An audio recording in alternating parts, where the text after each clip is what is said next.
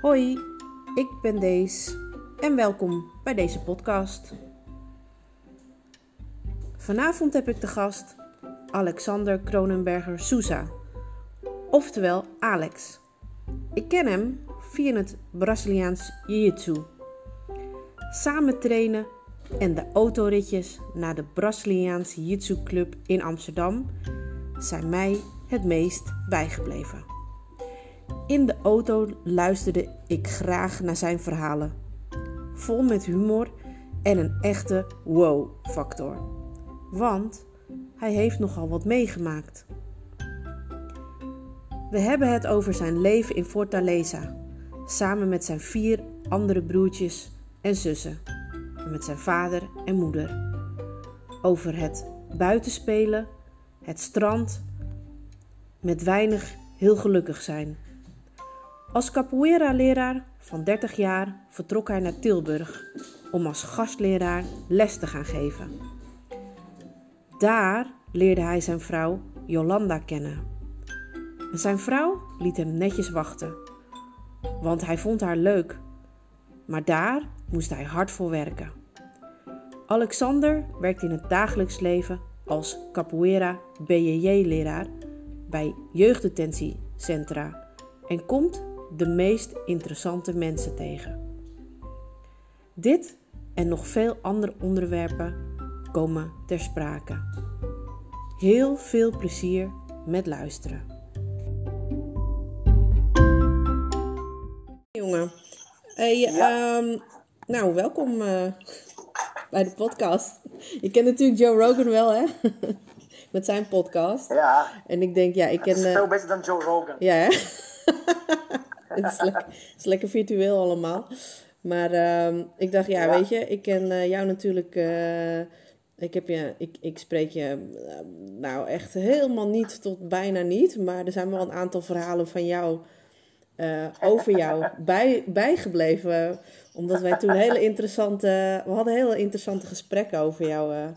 over je leven hier, zeg maar. Ook in Nederland. En, Leuk. Ja, dus um, nou ja, wil je wat uh, vertellen over waar jij bent geboren en waar je bent opgegroeid?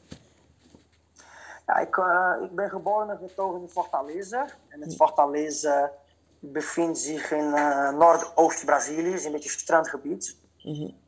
En het is een beetje een Zuid-Amerikaanse strandplaats. Maar is altijd lekker warm.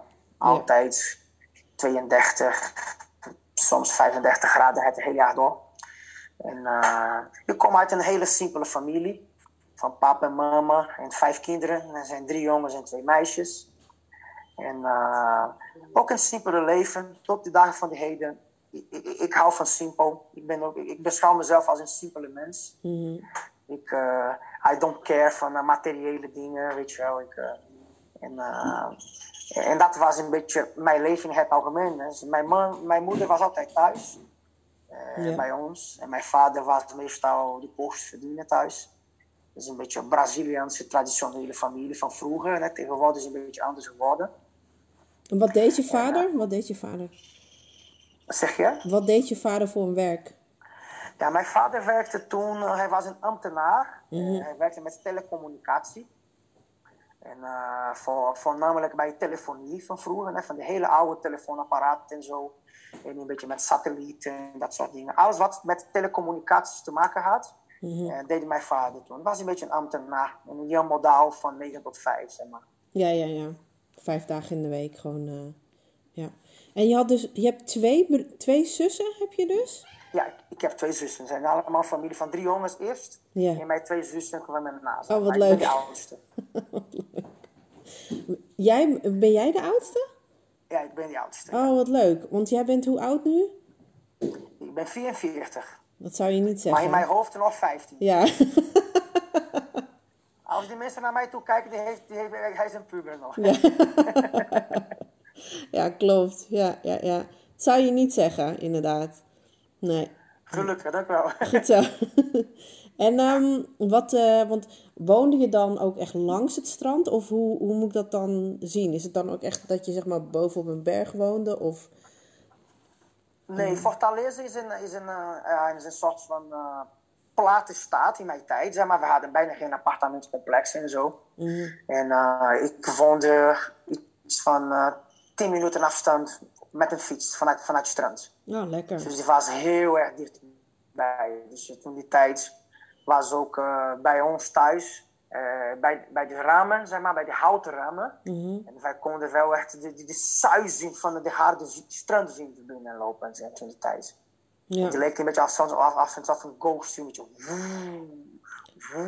Vet. Het de hele dag door. Het was heel heerlijk. Ja, ja, ja.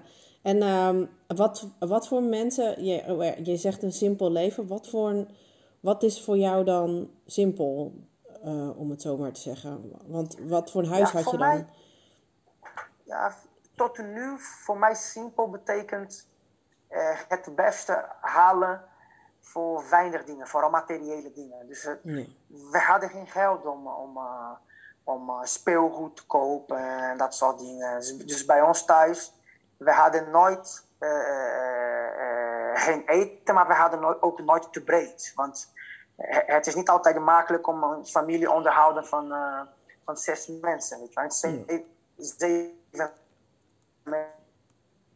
mensen met beeld speelgoed. Wij kregen alleen maar in december bij de kerst.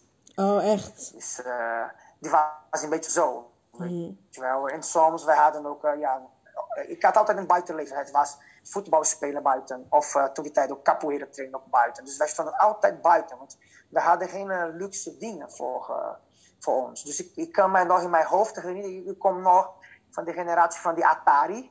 Ja. Ik weet niet als jij nog uh, van die, ja, van die videogame van die Atari. Ja. Weet je wel. Dus ja. bij ons, de rijke tattes, zeg maar, die hadden een Atari thuis. Ja. Dus voor ons, die was alleen maar in onze dromen. Want ja... Uh, het was bijvoorbeeld een zwarte-witte televisie ja. uh, voor het hele buurt. Dus, Echt waar? We hadden een, we, we hadden een tv thuis en, ja. en, en, onze buur, buurjongens en buurmeisjes die kwamen ook vaak bij ons thuis op televisie te gaan kijken. Want niet elke huis hadden wij een televisie om te kijken. Ja, dus dat is, dat is eigenlijk wel heel bijzonder eigenlijk. En dan deed je dat dan, dat televisie kijken dan een bepaald programma of zo waar jullie dan graag naar keken? Of, uh... Ja, die, die, in mijn herinneringen er was meer Tom en Jerry, weet je oh, wel.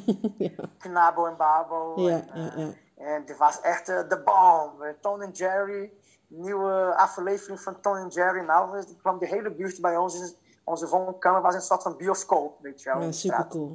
Ja. En, uh, ja, en de soaps. Ik, ik zag ook vaak mijn moeder kijken naar de soaps. Typisch Zuid-Amerikaanse iets, weet je wel. Ja. Een soort van goede tijden, slechte tijden en zo. En, uh, ja. en uh, ik kan wel van mijn moeder wel herinneren vaak uh, soaps te kijken. Ja. En, uh, en altijd buiten. Wij waren altijd buiten. Fruit eten buiten. Fruit te stelen van de buren, weet je wel. Mango stelen van de buurman aan de rechterkant. En, en andere soort fruit. En ook te stelen aan, aan de buurvrouw aan de linkerkant, weet je wel. Het was een beetje zo. En altijd met slippers aan. Altijd met korte broek aan. Geen dure kleren, geen dure materiële dingen. Nee. Die was voor ons, ja. Maar ook, wij misten dat niet. Want dat, uh, Nee. als jij je hele leven zoiets niet hebt, dus dat hebben je ook geen behoefte aan. Nee. Die kwam wel pas later, in een latere leeftijd, bepaalde behoeftes aan uh, wat materiële dingen. Maar in mijn hele jeugd, kindertijd en jeugd, tot een jaar of uh, 15, denk ik 16 jaar oud ja, dat was alleen maar voetbal en strand. Surfen. Het was een surfplank. en dan lekker naar het strand op de fiets en surfen de hele dag. Wij waren ook heel lichamelijk bezig. Die meisjes waren altijd aan het dansen. Ja. En, en, en wij meer met uh, of vechtkunst. En in, in, mijn geval was het meer capoeira en surfen en een potje voetbal spelen op straat. En uh, verder dan dat, dat hadden wij niet zoveel. En, en ook tot diep in de nacht in, in, op de stoep blijven kletsen, weet je wel. Oude hoeren was die orde van, uh, van de wijk toen, de tijd, toen dat nog kon. Ja. Uh, wij konden wel onbezorgd tot uh, vier uur s'nachts blijven daarin lagen en kletsen met elkaar. Oh, gezellig. no worries. En geen diefstal en toen die tijd. Tegenwoordig kan me dat echt niet voorstellen daar. Ik denk dat binnen een half uurtje ben je al honderdduizend keer beroofd. Daarvan alles en nog wat. Ja. En um, heb je een heel leuk verhaal vanuit die tijd? Dat je zegt van, nou ja, dit is me echt altijd bijgebleven, wat echt ja, wat ik gewoon mijn kinderen en andere mensen graag wil vertellen over iets heel grappigs of echt heel leuk. Of... Ja, wij, wij waren, wij waren heel, heel stoute mensen. Oh, ja. Ik moet wel toegeven. Ik, ik was echt al, meestal een beetje een van die baasjes daar. En uh, wij hadden toen de tijd ook een spelletje. Wij, wij, wij, wij gingen een beetje bouwen van bepaalde traps met water, weet je wel. Er was een emmer uh, op de muur met een, uh, met een draadje naar beneden. We gingen die draadje of in een uh, boom of zo. En toen die mensen liepen op straat, die, die, die botsen tegen die draad. En die viel de emmer van het water op hun hoofd. Toen ik kan mij ook vaak herinneren nou, dat, ja, natuurlijk sommige mensen werden boos. Hmm. En, en die renden achter ons echt kilometers lang. En wij helemaal moe en onze zweet. Weet je, oké, okay, vandaag wil ik dood. Het was mooi geweest, mijn leven, weet je wel. En uh, die waren onze stoute heden op straat, want we waren heel erg stout, echt. Fruit en stelen ook. Taken gebroken en vallen naar beneden. En de buurman helemaal blij met je. Zie je wel, ik wist dat en daar die taak ging breken. Je hebt normaal dat je niet dood bent. Je hebt niet je nek gebroken, weet je wel. En die zijn meestal, die, die beelden, dat zijn een beetje, zijn een beetje getatoeëerd in mijn ziel. Mm. En dat soort verhalen vertel ik ook vaak aan mijn kinderen ook nu. Want die, die, die generatie is een beetje totaal anders, weet je wel. Ik kan dingen bieden aan mijn kinderen tegenwoordig die in mijn tijd waren totaal ondenkbaar. Echt. Ja. Maar vaak mijn kinderen kunnen dat ook niet beseffen. Ik heb nog een beetje een mix van uh, uh, clash van generaties, maar ook clash van uh, behoeftes en, en, sociale positie ook qua, qua geld, weet je wel. Ja. En koopkracht. En, uh, die, en, en, bij mijn kinderen botst het ook een beetje vaker hier in Nederland ook. Maar ik geef ze ook nooit schuld, weet je wel. Mm. Elke generatie is anders. Ik kan ze ook niet verwijten dat ik niet zo breed had toen die tijden zijn nu, weet je wel. Maar wat ik probeer is ook altijd de in-betweens. Ik, ik probeer ze laten zien dat er een beetje anders komt. Ja. Het verschil tussen hier en daar. Ja. En ik, als ik tegenwoordig kijk naar die kamer van mijn dochter bijvoorbeeld. Ik, Ja. ik zeg ook vaker hier tegen mijn dochter, ook een beetje een jonge dame. Je hebt zoveel speelgoed. Ik kom uit een familie van vijf kinderen. En we hadden niet eens en duizenden. Wij vijf bij elkaar van die speelgoed dat jij nu hebt. Mm. Het zijn echt bergen van speelgoed. Het is echt niet normaal. En voor haar is natuurlijk normaal. Mm. Eh, dat, dat doe ik ook graag als vader. Ik, eh, als ik kan, ik kan ook mijn kinderen verwennen. Doe ik. Ik probeer ze ook hier en daar geven dingen dat ik toen de tijd niet kon hebben. Maar ik probeer ook een beetje gezond houden. Want anders ik ben ook soms een beetje bang dat ooit ze, ze gaan ook een beetje uh, die draad kwijtraken. Weet Ja. je wel. Alles geven is ook niet gezond. Dat heb ik ook met mijn ouders ook uh, toen die tijd geleerd. Uh, mijn vader zei altijd tegen mij, ik, ik, ik geef jou de vis niet. Ik ga jou leren om te gaan vissen. Dus jij moet leren om te gaan vissen. En als ik elke dag die vissen geef, jij, jij zou ook uh, geen uh, positieve ambities meer op je leven hebben. Weet je wel. Dat, uh, dat zijn een beetje zijn, uh, die tegels van mijn vader. Ik had altijd die mooie tegels van mijn papa. Maar hij heeft wel gelijk. Ja. Hij is inmiddels overleden, vijf Mm. jaar geleden aan knokelkoorts. En, uh, maar die, die tegels blijven nog in mijn hoofd. Weet je wel. Ik, het Ja. moet een gezonde blijven. En soms ik merk dat in Nederland kan ook soms onbewust te veel zijn. Weet je wel, de bomen groeit tot in de hemel. Wij kunnen alles hebben wat wij willen en zo. En dat vaak merk ik ook in mijn beleving dat niet altijd gezond is. Nee.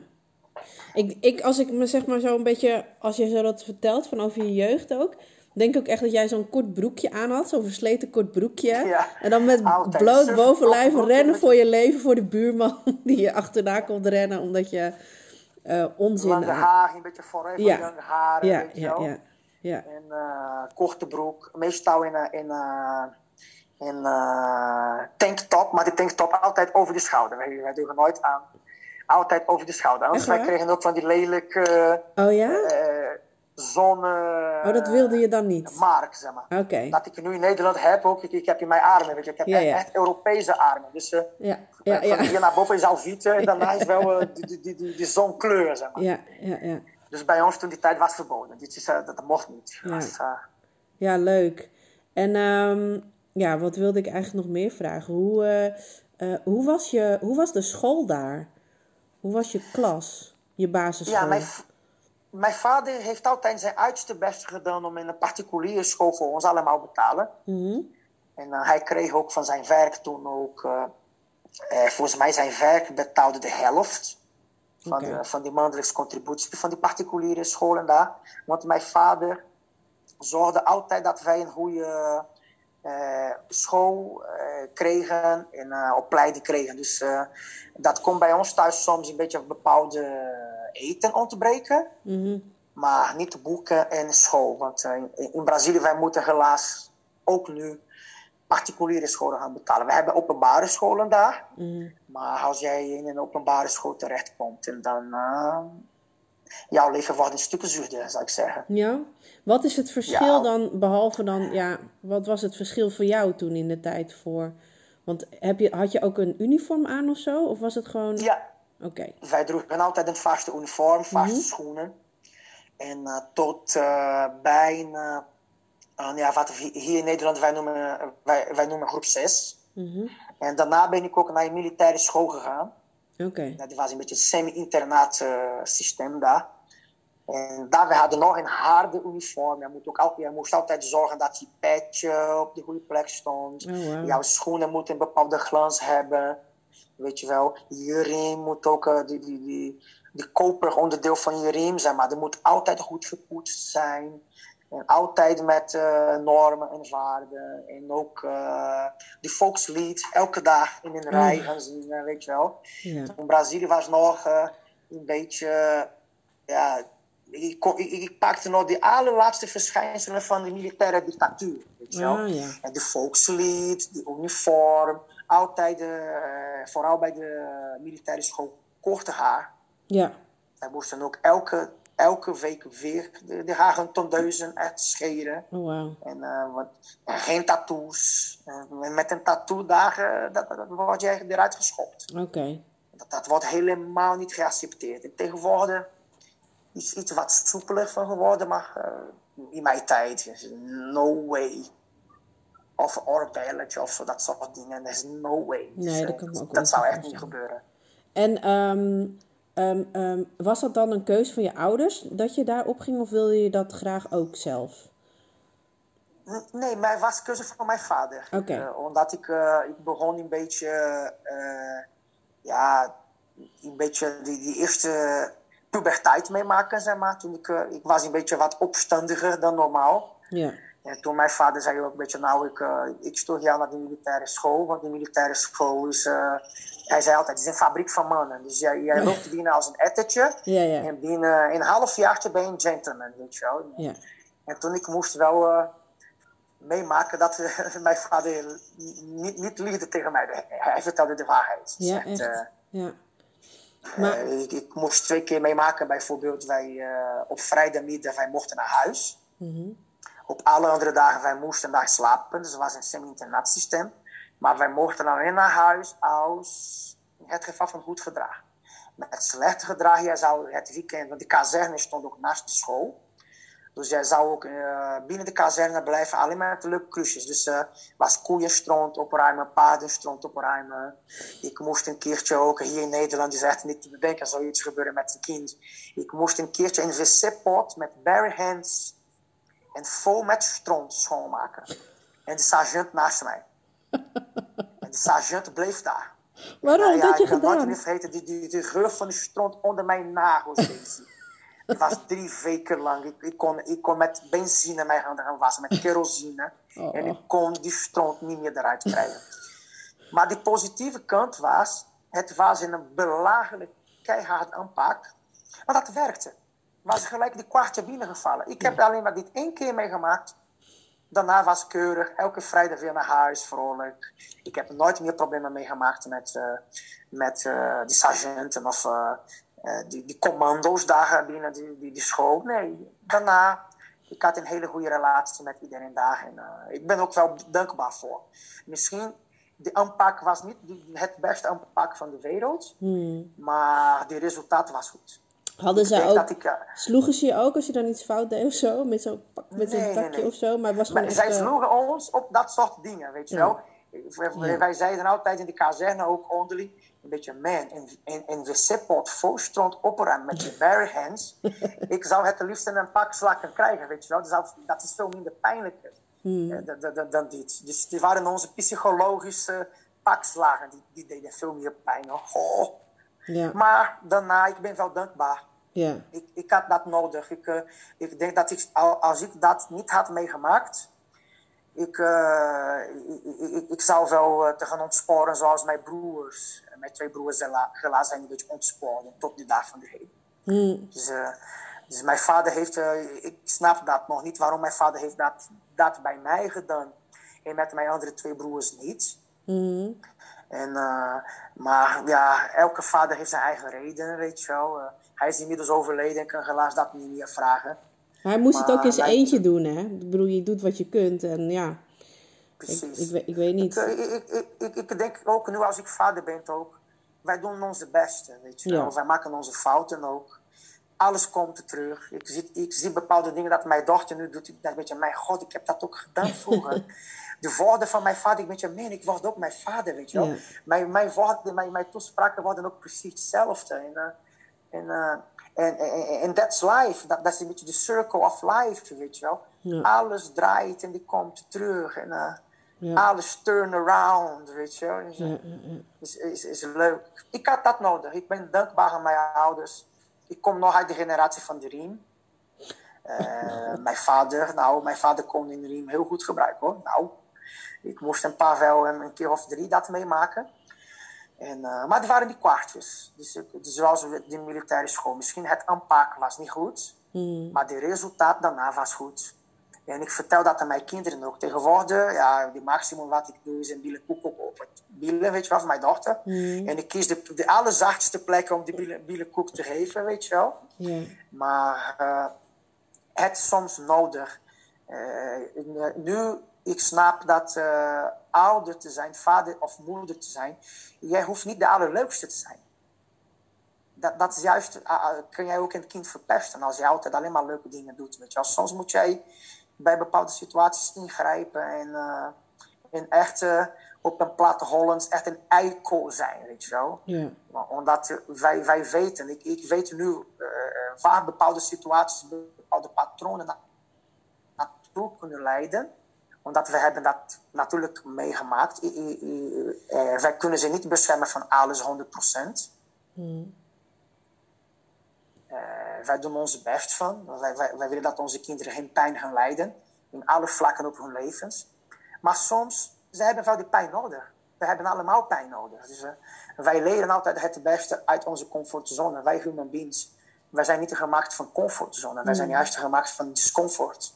Daar boeken wij vooruitgang op onze levens. Denk ik. Het is, uh, ik praat uit mijn eigen belevenis. Maar ja, dat heeft jou, uh, ja, dat heeft jou best wel sterk, uh, of althans heel erg sterk gemaakt. Want, en en ja. capoeira heb je altijd tussendoor gedaan. Vanaf hoe oud was je toen je begon met capoeira? En waar was dat dan? Was dat dan op het strand? Was het dan waar je woonde? Of hoe, hoe, hoe was dat? Ja, ik was toen, ik was uh, eh, 14 jaar oud. En, uh, en toen, ik, uh, ik was wel flink aangekomen, weet je wel. Ik, ik, ik, ik, ik leed in een ongezonde leven. Ik rookte, ik, ik dronk ook veel. Mm. Wat in die strand betekent ook feesten.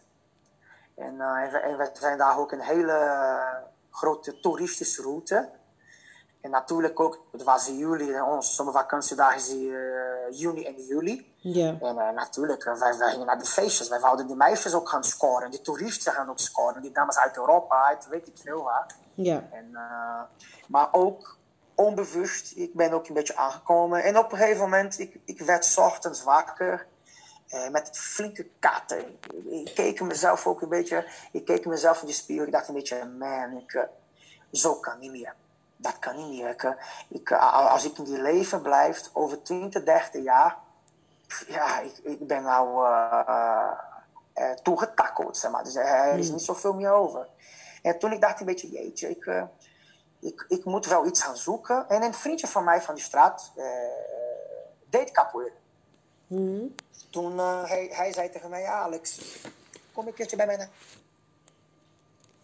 capoeira toe. En misschien vind je het leuk. En, en, en, en ik had wel capoeira een paar keer gezien. Een paar shows op de boulevard en zo, maar nooit mijn is stilgezeten om te gaan kijken. Ik hoorde wel wat. Ik zag die mensen met de capoeira broeken lopen uh, op de boulevards.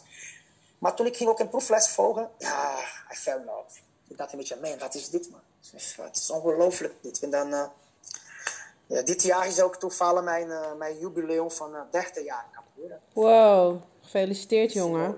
In, in, november is mijn 30 jaar jubileum. Dus nooit gestopt, nooit gestopt met trainen. Ik train nog steeds, ook in Nederland, in mijn achtertuin hier. Yeah. Twee, soms drie dagen in de week. Want capoeira voor mij is een soort van religie van geworden. Dus Ja. Ik kan niet zonder. Ik kan, ik, ik kan, ik kan, niet zo, ik, ik kan mezelf niet eh, voorstellen zonder capoeira. Dus capoeira heeft mijn leven om, eh, weet je wel. Ik ben hier in Europa vanwege capoeira. Capoeira heeft mij naar, eh, mij naar hierheen gebracht. Zonder capoeira, ik, ik, ik, zou hier niet zijn met jou. Nee. Nee. Vanavond. Ja.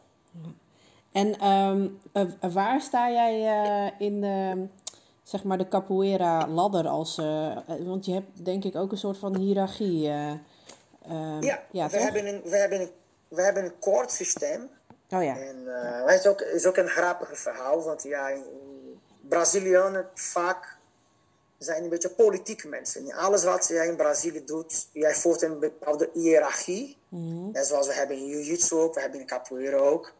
En, eh, maar in Capoeira, jij moet een bepaalde politiek eh, stroom gaan lopen. Ja. En op een gegeven moment, ik, eh, ik- ja, eigenlijk, ik kan nooit een mens zien als een nummer. Voor mij een mens is niet alleen maar een klant. Een leerling voor mij is nooit een klant geweest, is nooit een nummer geweest.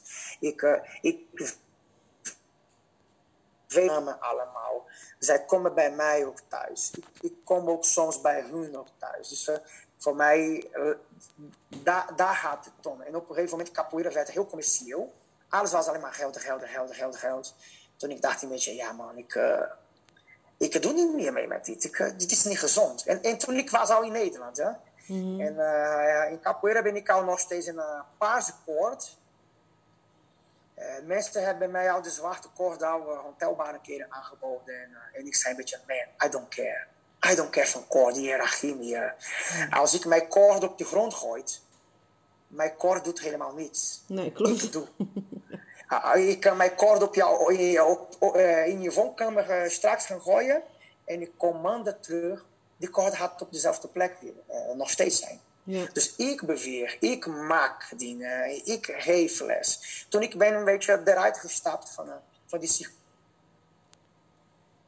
soort van uh, Judas geworden. Dus veel mensen zijn ook een beetje boos op mij. Oh ja? En tegen, ja, veel mensen, ja, het is belachelijk, je had die stroom.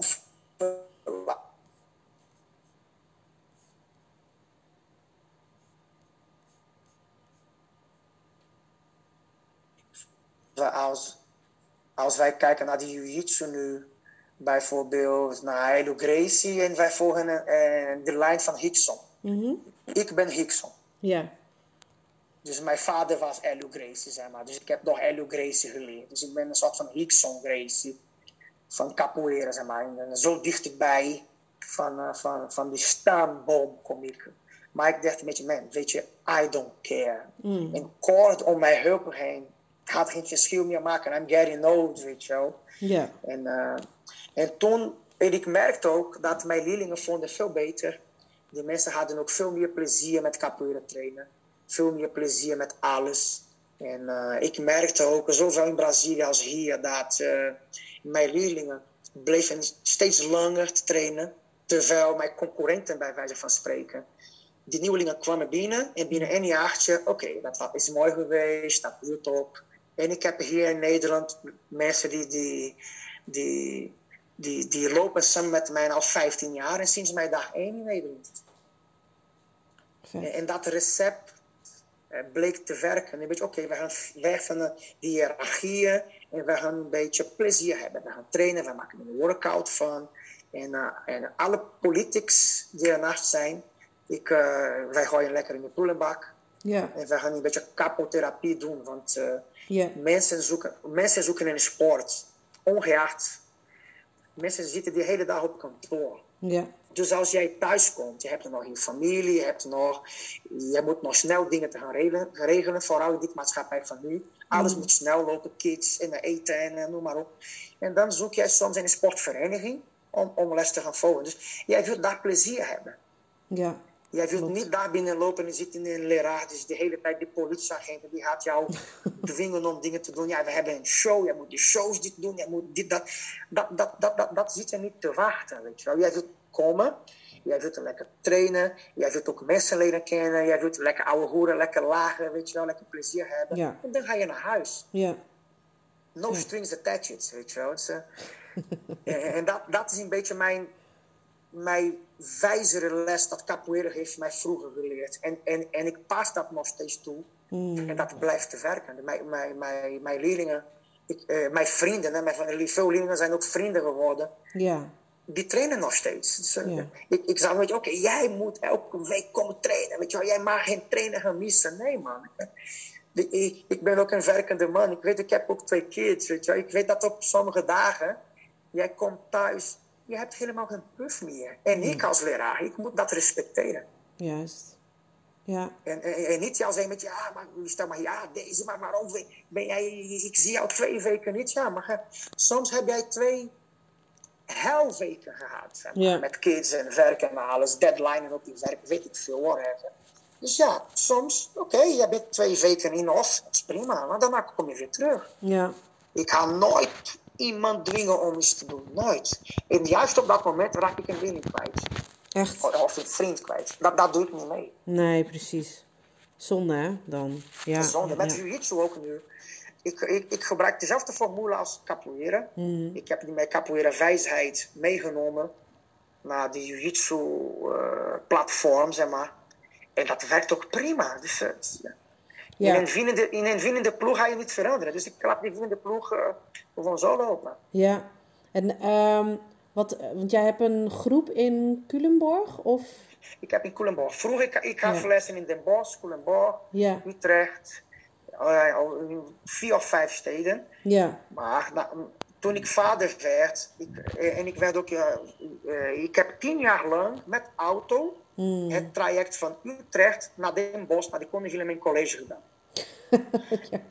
Tien jaar lang deze, in die file gezeten. Ja. Tien jaar lang, dat houdt op. Ja. Ik, ik was gewoon op. Toen ik dacht een beetje, nou weet je, eh, ik, ik weet het, ik, ga leerlingen kwijtraken. Omdat voor veel mensen zal het wel natuurlijk lastig om elke dag ook in die trein van Den Bosch naar Culemborg te komen trainen. Ja. Ja. Ja. Ik zal natuurlijk ook een merendeel van mijn werk moeten inleveren. Mhm. Maar ik heb wel gekozen van levenskwaliteit. En, en ook omdat ik ben nooit commercieel ingesteld. Voor mij het geld, Nee. daar gaat het niet om. Nee. Als ik geld verdien, dat is prima. Als ik geen geld verdien, dat is ook prima. Het is nooit voor- mijn bron van inkomsten geweest. Mijn bron van inkomsten met capoeira is nog steeds is workshops. Dus overdaags met onderwijs, met projecten, met uh, antipestprogramma's. Met, eh, eh, nu in, die pandemietijd, Mm. ik ben een van die enige leraren in Nederland, dus ik kan bijna te zeggen. twee weken geleden deze, ik heb 30 lessen gegeven in één week Wow. In een penitentiaire inrichting in Hareveld. Oh, Dat is een van de zwaarste eh, eh, jeugddetenties van Nederland daar. Heel Ik heb in één week tijd 30 lessen, zes lessen per dag. Zo. En dan twee uur heen met auto, zes les geven, twee uur terug. Het is Ja. eh, voorbij eh Enschede. Dus het was elke dag Dat is echt een op eindrijden, ja. en neer in een pandemie. Hmm. Omdat mijn methode blijkt nog steeds te werken. Dus de mensen hebben nog steeds behoefte aan lessen. Ondanks een eh, keihard coronavirus-pandemie dat ze de hele wereld inleidt. Ik ben keidruk. Het is mega druk geweest. Ja, fijn. En eh, dat was, wat, hoeveel weken geleden? Want het is best al Eh, vanaf... Nee, dat was even kijken. Dat was de afgelopen week. Ah, Oké. Lekker druk. Afgelopen week. En wat, Ja, heb je, wat, wat heb je daar gezien wat, je, wat bijzonder was voor jou? Dat je zegt van nou, ik ben weer teruggegaan omdat het alleen maar om het geld was? Of vond je het zelf ook nog wel... Wat vond je er interessant aan? Nee, is leuk. Ik, eh, ik, ik, ik heb daar een band met heel veel gedetineerden ook opgebouwd. Ik heb een contract, die loopt daar de komende vijf jaar. Mhm. Oh, dat is Dus mooi. ik ben ook el- elke maand minimaal eh, tien dagen van een maand ben ik dag fulltime bezig met eh, lesgeven. Zo. Dus eh, vorige week was ik bezig met de jiu-jitsu. Dus een hele week jiu-jitsu. Mhm. En, eh, en de directeur en de begeleiders, dat de bevrijden met ja, Alex, jij komt te binnen. Je had, de, je had de jongens allemaal leren hoe ze moeten hier ontsnappen. Weet je wel, alle, alle en zo, alle posities van jiu-jitsu en zo. En, Ja. Maar dat blijkt ook dat ze allemaal rustiger van worden Ja. omdat ja, er zijn sommige dingen daar dat veel Nederlanders ook niet kennen. Want bijvoorbeeld van de afgelopen financiële crisis, wat ze hebben daar vroeger, vooral s'avonds, ze hadden ook begeleiders die ook eh, met hun bleven. Ook bij hun kamers en zo, bij de zones. Dit is helaas inmiddels alles is verbestand. Dus eh, wat ze hebben tegenwoordig is de receptie. En ongelooflijk genoeg, s'avonds, zij blijven daar. Ze hebben niemand die, die ze allemaal kunnen een beetje aansturen. Dus als, als een crisis komt, als een, als een vechtpartij ontstaat of een, ja, dat soort zaken, dat wordt heel moeilijk. Ze moeten ook de politie, en ja, natuurlijk, ook, dus ze zijn ook een paar minuten verder tot die politie aankomt en naar binnen loopt en zo alles, weet je wel. En, eh, en daarom is ook gebleken dat activiteiten als capoeira of jiu-jitsu, zij worden wel rustiger van. En s'avonds, ze gaan naar, naar hun kamers. Mm. Omdat ze moe zijn. Ze zijn gewoon moe. Dus eh, eh, de directeur zei tegen mij, Alex, jij bent veel goedkoper dan alle Ja. therapieën dat wij hier hebben. Ja. En, en, en, en jij werkt veel beter. Want ze zijn eind, eind van de dag, ze zijn op. Zij willen helemaal Ja. niks meer. Zij willen een boek lezen en slapen. Ja. En that's it. Want het is en heel, eh, dat denk ik dus ook met capoeira. Het is heel veel zeg maar met, met je motoriek en met natuurlijk heel, heel het, je gebruikt je hele lichaam. En het is heel moeilijk denk ik om na te denken om over die beweging. Dus je bent alleen maar gefocust daarop.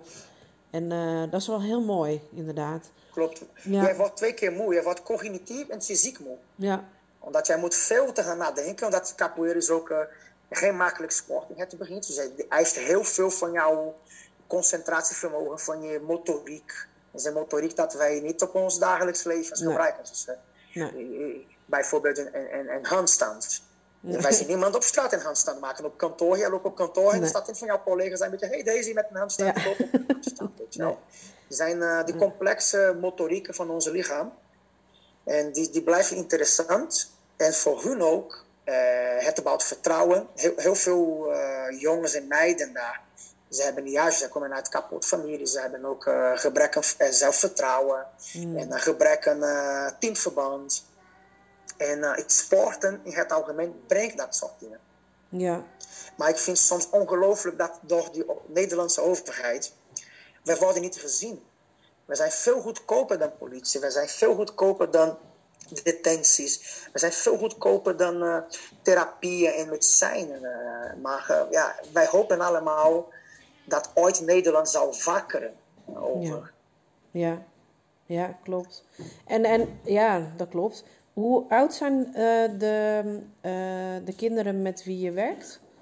Eh, zij zitten daar tussen 12 en 18 jaar oud. En daar is een van de zware, zwaarste detenties van Nederland. Daar, daar lopen daar binnen deze, nou, zwaar, op een plat Holland, zware shit. Ja, Dus eh, die lopen daar echte dealers. En, eh, Ja. eh, ik heb een jongen daar, die is mij vastgelopen, heet Marshall.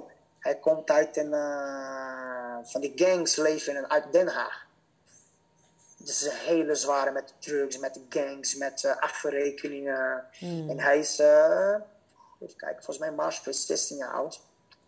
Weet ongeveer de 16 jaar. leeftijd van Sivano, weet je wel. Hij maar is een jongen uit Curaçao. Hij ziet uit als een ordinary guy. Als jij Marshall op straat ziet, is een ordinary guy. Maar zodra je begint met hem te werken, jij, jij, jij merkt dat eh, er zijn een paar schroeven los in zijn kop, zeg maar.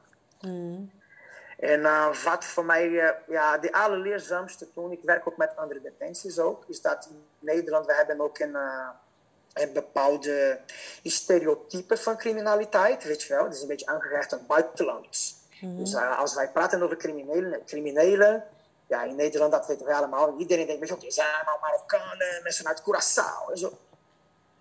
80% van alle gedetineerden zijn allemaal oer-Hollands jongens en meisjes. Blonde haar en lichte ogen. Die zijn ook 80% en zijn ook super problematisch. Ook echt ongelooflijk problematisch. Daar op elke moment, we hebben een biep. Mm. En op elk moment kan ook een vechtpartij ontstaan of een crisis. En dan moeten we allemaal daar naartoe gaan rennen en, uh, en boten gaan sussen. En, uh, en, en, dat gebeurt vaker dan wij denken. Ja. Ze hebben ook daar binnen ook, ze hebben die, die, die, die afdelingen, zeg maar, zijn het gebouwen. Mm -hmm. Omdat ze hebben boven, ze hebben ook een school, ze krijgen nog steeds onderwijs. Oh, dat is goed. Dus ja. onderwijs gaat gewoon door. Dus de leerplicht, de Nederlandse leerplicht gaat gewoon door. Gaat gewoon door. Als zij willen of niet, gaat gewoon door. En beneden uh, is de instelling. Dus we hebben ook de voorzieningen. Sommige dingen vind ik ook een beetje, ja, weet je... Beetje zweverig. Crossfit ruimte Oh, met ja. uh, de alle high-tech apparatuur. Alles sponsor bij ons allemaal. Weet je wel, van de belasting betalen. En soms, ik vind ook een beetje... Overdreven. Oké, mag je doe even vinden. normaal. Ja, ja, ja, ja, mag je vinden. Ja, dat vind ik ook soms. Met bepaalde dingen wat ik gezien heb bij, in de gevangenis. Maar, ze hebben dat nodig. Dat is beter daar dan op straat. Als zij op straat gaan hangen, Ja. zij kosten veel meer geld. Ja, nee, ik bedoel eigenlijk, wat ik bedoel is, ehm, toen ik vijf en een half jaar in de bias heb gewerkt als gevangenisbewaarder, heb, ik, heb ik gezien, toen was ik echt 19, 20, dat het, ehm, dat het personeel daar gewoon, en zeker ook met opleidingen en zo, daar werd gewoon met geld gesmeten. Dat ik denk van ja, Klopt. dat is gewoon niet nodig, weet je. En ik snap ook niet Klopt. heel veel dat ik echt denk van nou, naar personeel daar is wel heel veel geld gewoon met geld gesmeten. En ik vond dat best wel overdreven eigenlijk, eerlijk gezegd, als ik Ja. er nu op terugkijk. Ja, dat is inmiddels een beetje Ja. veranderd. En eh, door, door die bezuinigingen allemaal Ja. natuurlijk. En personeel is, eh, is, is weggeschaafd. Ja, ja. Mensen die werkten op een ZZP-basis, die waren ook toen die tijd ook peperduur ook. Ja. Want ja, ik, ik, ik kan mezelf heel goed plaatsen in, jou, in jouw ervaring. Want ik, ik werkte ook drie jaar lang, net voor 2008, bij de Oostvaarderskliniek in Almere. Dus een Ja. TBS-kliniek ook daar. Een zware TBS-kliniek. En toen ook, ik zag ook daar, zij, zij held smijten alle kanten op. Dus eh, Ja. ze hadden ook eh, uitjes met eh, shows en de Ja. catering. En dat Ja, ik vind dat echt overdreven gewoon. Maar wat is dit? Ja, dat vind ik echt overdreven. Want kom je in het, althans, hoe, ja, als ik nu gewoon mijn werk doe, dan hebben we dat helemaal niet zo overdreven en luxe. En we gaan ook, Precies. weet je wel, we gaan ook allemaal of op tijd weg of nog veel later weg. En wat ik daar zag is dat de mensen daar echt, ja, toen daar de tijd ook gewoon lekker vroeg allemaal weggingen, extra vroeg. Ik vond het een beetje, Precies. ik vond dat toen de tijd een beetje overdreven. Dat ik dacht van ja, weet je, justitie mag best wel wat, eh, wat minder eh, geld in het personeel. Of er mag wat minder, eh, ja, hoe moet ik dat zeggen? Onverstandig met het geld werd er omgegaan, vond ik. Maar dat is het veranderen. Ja. Ik, ik noem dat altijd ook met alle liefde en positief bedoeld. Dat is een beetje die podermentaliteit. Ja, Nee, het is die oer-Hollands podermentaliteit. Dat alles moet gezellig zijn. Ja. Alles moet uitgebreid zijn. Ja. Alles moet extra menselijk zijn. Weet je wel. ja. Maar ook, wij weten allemaal, zij zijn daar ook niet van niets. Hè? Nee, klopt. Ze hebben iets voor elkaar gekregen. Want de Nederlandse justitie is ook heel zacht. Hè? Dus Ja. als jij in zo'n stelling terechtkomt. Nou, jij bent alles behalve een engeltje. Ja, dat, komt niet omdat jij eh, een, eh, een, eh, een maas chocolade bij, eh, bij de bioscoop heeft gestolen. Weet je wel. Nee. Meestal is echt eh, zware shit hoor. Is echt, Ja. Heb je ook. ehm, ehm, moet je er soms. Hoe kan je daar een afstand van nemen? Want ik kan me voorstellen dat je met kinderen te maken krijgt die echt hele nare dingen hebben meegemaakt. Hoe kan jij dat aan het einde van de dag van je afschudden en. eh, of eh, reflecteren? Hoe, eh, hoe ga je daarmee om?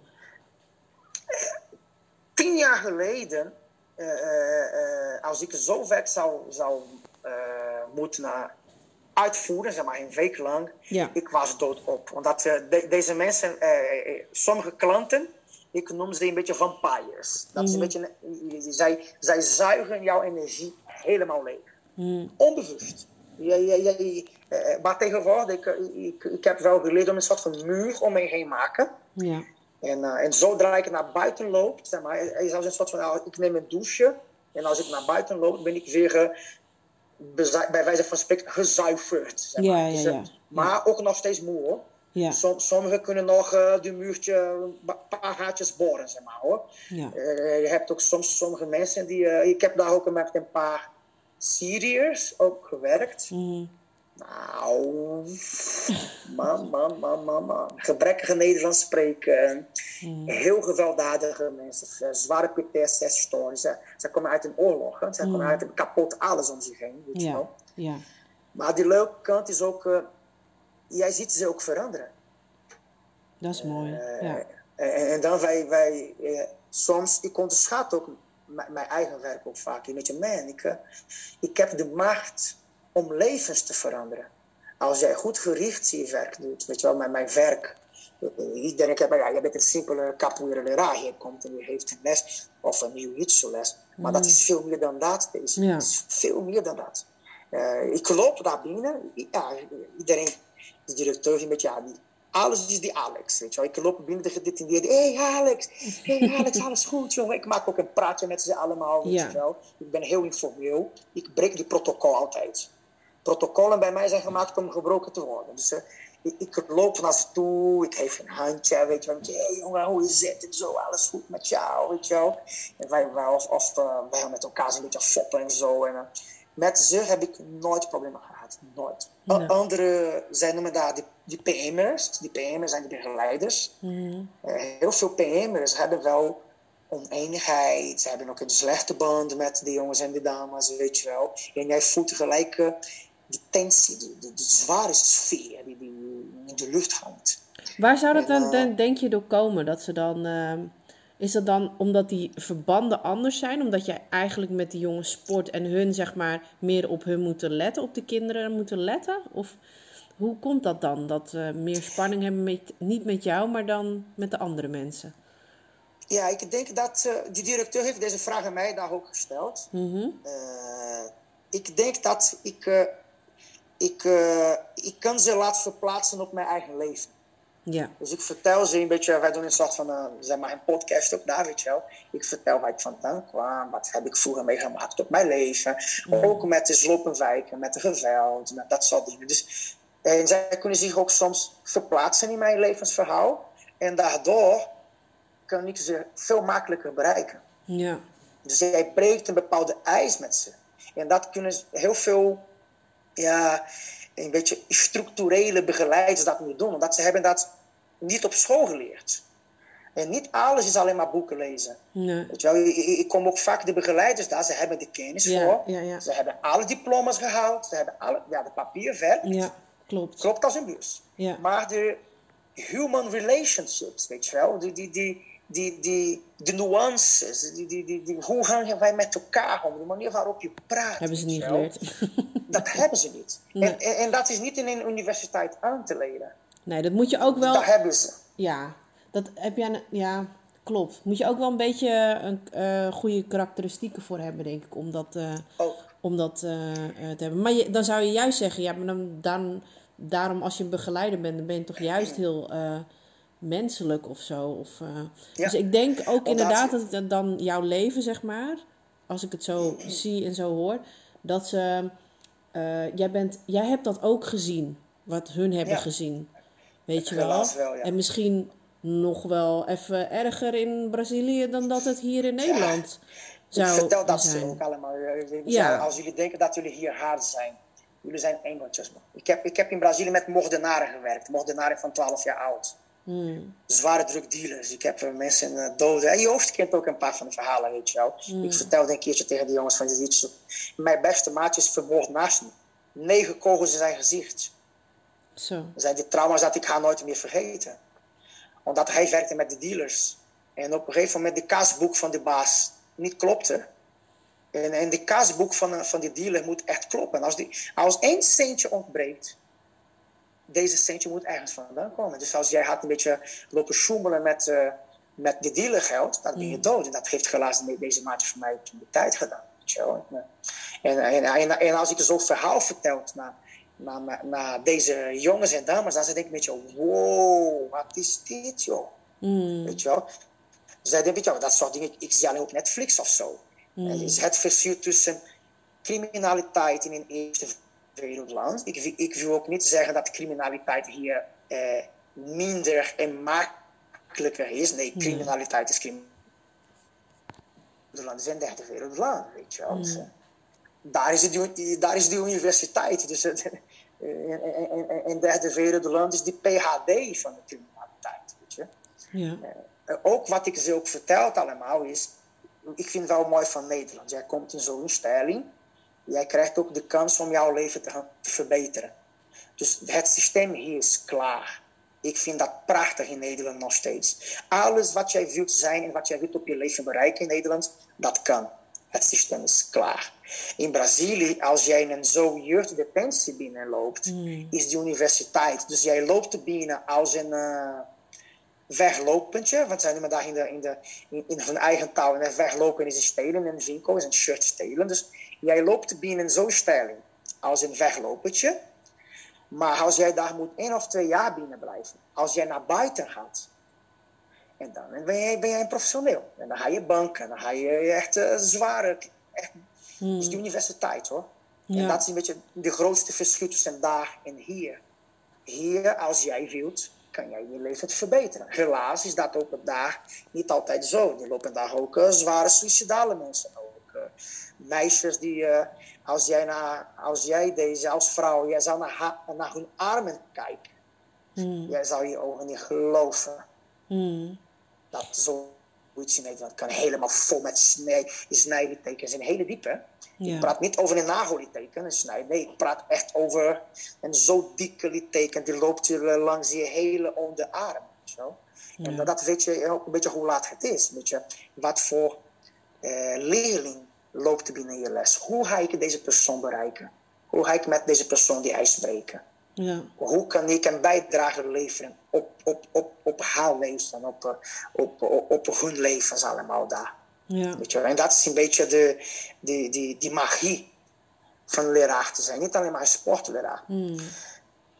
En dat bij, daar bij ons is meer ik en ik heb een maatje, is Lucas, is een boksleraar. Die doet ook vijs goed. Ze is een jongen uit Curaçao, die doet heel erg goed. Dus een beetje onze stijlen lijken veel op elkaar qua aanpak en uh, praten met de mensen. Ja. Maar we hadden daar ook twee, uh, een theaterlerares en een, en een andere met de kunst, knutselen of zo, zoiets. Dat werd helemaal niets tegen. Dat was een drama, jij wilt niet weten. Zij konden geen les geven. Nee, nee. Zij konden echt geen les Ik, zag eentje daar met onder de tranen. Dus zij, oh. zij kon niet bereiken. Och. Omdat, ja, dat soort klant is niet klaar voor.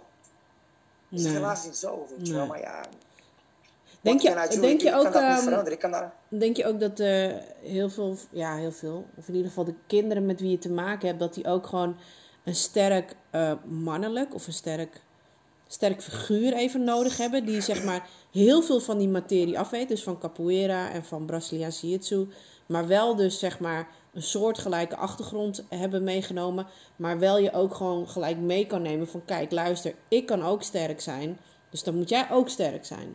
Snap je? Dat je dat, Ja. dat soort figuren, zeg maar, als je die, Ja. zoals jou en zoals dus die boksleraar, eh, als die er niet eh, genoeg zijn met wie zij zich dus niet kunnen identificeren, dan, ja, dan krijg je dus, ik denk, ja, misschien met alle goede bedoeling, dus die vrouw die dan die les wil geven, maar ja, eigenlijk niet doorkomt met haar verhaal. Nee, ze, ze- ze- die jongens Zielig lopen, eigenlijk. die jongen lopen binnen en zeggen, oké, ik moet theater met jou. Ah, zij lopen gewoon weg. en dat mag. Ja, Dat mag. Ook bij mij ook. Zij mogen ook, als, als, als een les niet bevalt, ja, zij mogen weglopen. Ja, Zij lopen gewoon weg. Of de PM'er neemt ze terug naar hun kamer. ja, Of naar die afdeling waar ze moeten blijven. Want eh, als, dat is niet erger dan iemand die is verplicht om te blijven in een les waar, waar, waar je geen zin van hebt. ja, Dus dat is veel beter weggaan. Ook in een groepsbelang. En voor de, voor de rest van de groep loopt de les veel beter. ja, ja, ja. Er is zoveel dat ik jou eh, wil vragen. Vraag het Maaike. Maar voortalezen, hè? Ik ken voortalezen echt alleen maar... Ja, dat is misschien een beetje mijn, eh, mijn verhaal van... Inderdaad, van Europese mensen. Die gaan daarheen. En die gaan daar eh, een beetje dansen. En vooral ook eh, witte mannen, zeg maar. Blanke mannen. Die daar dan eh, met jongere vrouwen, zeg maar, aan de haal gaan. Ehm, dat is mijn vooroordeel. Ik weet niet of het. eh, je zal het natuurlijk ook vast ook anders hebben meegemaakt. Ehm, hoe oud was jij toen je dacht van. eh, Oké, ik ga naar Nederland toe. Ik, eh, ben er, eh, ik ga, ga, ga het gewoon doen. Ja, dat was in 2004. Ik was uh, 30 jaar oud. En toen ik was al zo zat van geweld in Brazilië, weet je wel. Ik, ik kon niet meer deze. Hmm. Ik kon niet meer. Heel veel geweld, corruptie ook. En, uh, en de Braziliaanse mentaliteit is ook niet altijd makkelijk hoor. Nee. Uh, mijn landgenoten, nou Brazilië is een superleuke land om, om op vakantie te gaan. Mhm. Maar in Brazilië te blijven wonen en ook een beetje gaan vinden met de mentaliteit van de Brazilianen, dat is lastig. Ik maak hier ook altijd het grapje. Ik, ik leef hier al 15 jaar. Als jij straks aan Joost gaat vragen, hoeveel keer Joost heeft mij naast in Brazilië gezien? Ik ben een beetje bang dat Joost gaat zeggen, geen één Geen. En wij kennen elkaar al tien jaar. Hè? Ja. Ja, ja, ja, ja. Omdat ik, ik probeer dat te voorkomen. Ik, ik, ook in Brazilië, ook toen in Fortaleza, uh, die mensen kunnen ook een beetje achterbak zijn. De Brazilianen zijn helaas, zij, zij, zij gaan altijd vanuit van wat je hebt. Mm. Niet van wie je bent. Dus als jij geld hebt, ja, je kan ook alle leuke dames scoren. Jij moet ook een bepaalde uh, patroon. Hè. Hier in Nederland, ik zie met mijn zoon is Mira een bepaalde schoenenmerk, weet je, een bepaalde broekmerk dat iedereen op school en dan. Uh, of, je, of jij doet dat of jij bent een buitenbeentje, zeg maar. Mm -hmm. in, in, in, Brazilië niet. In Brazilië, als je geen geld hebt, dan ben je niets. Dan heb je, dan heb je helemaal niets. Dus, Mm. uh, om een verkering te krijgen met een dame, dan moet je een auto hebben.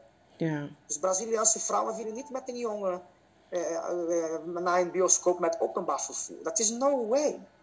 Jij moet minimaal een autootje hebben van je vader. Je krijgt, Ja. Of moet je auto lenen van je vader. Of, en, en dat soort dingen werd ik ook een beetje moe van. Bepaalde mentaliteit en bepaalde, bepaalde levenswijzen. Mm. Dat, uh, ik, ik, kan, ik, ik, kan dat nog steeds, ook als ik daar naartoe op vakantie ga.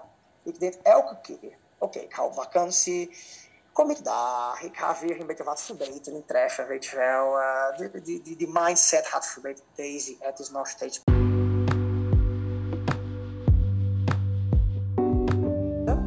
Maar het is niet de allerleukste route dat ik wel zeggen. Het is een beetje richting van de prostitutie. Meestal, omdat, uh, ik, ik, zeg altijd, de, de, de Hollandse ras mm. is een hele mooie ras.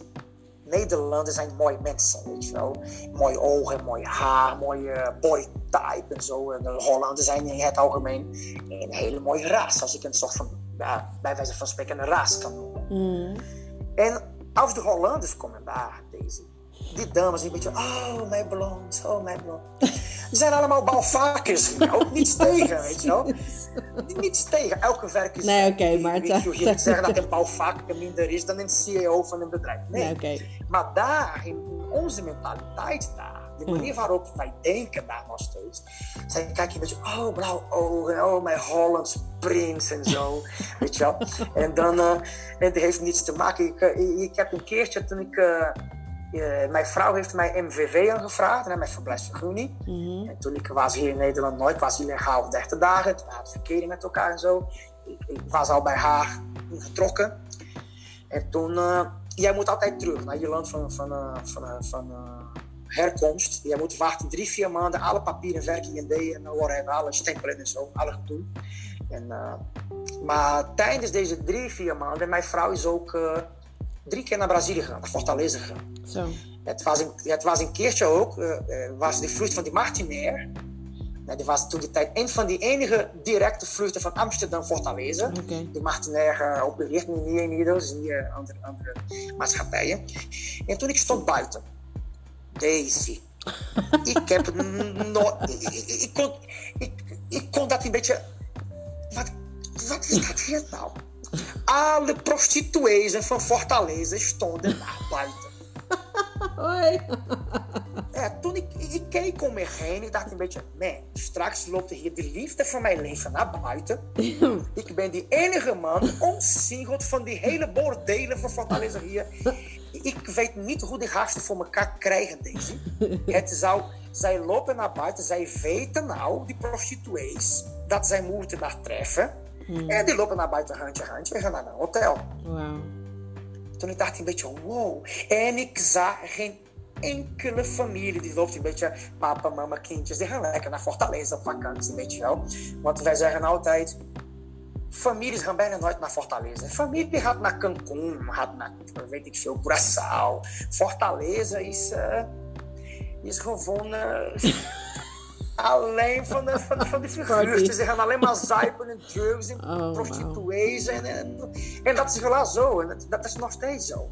Ja. En, uh, die, die, die, die toerisme uh, van de jaren 80, de, ik heb mijn kindertijd, de jeugd, van de jaren 80 tot toen ik naar Nederland vertrok in 2004.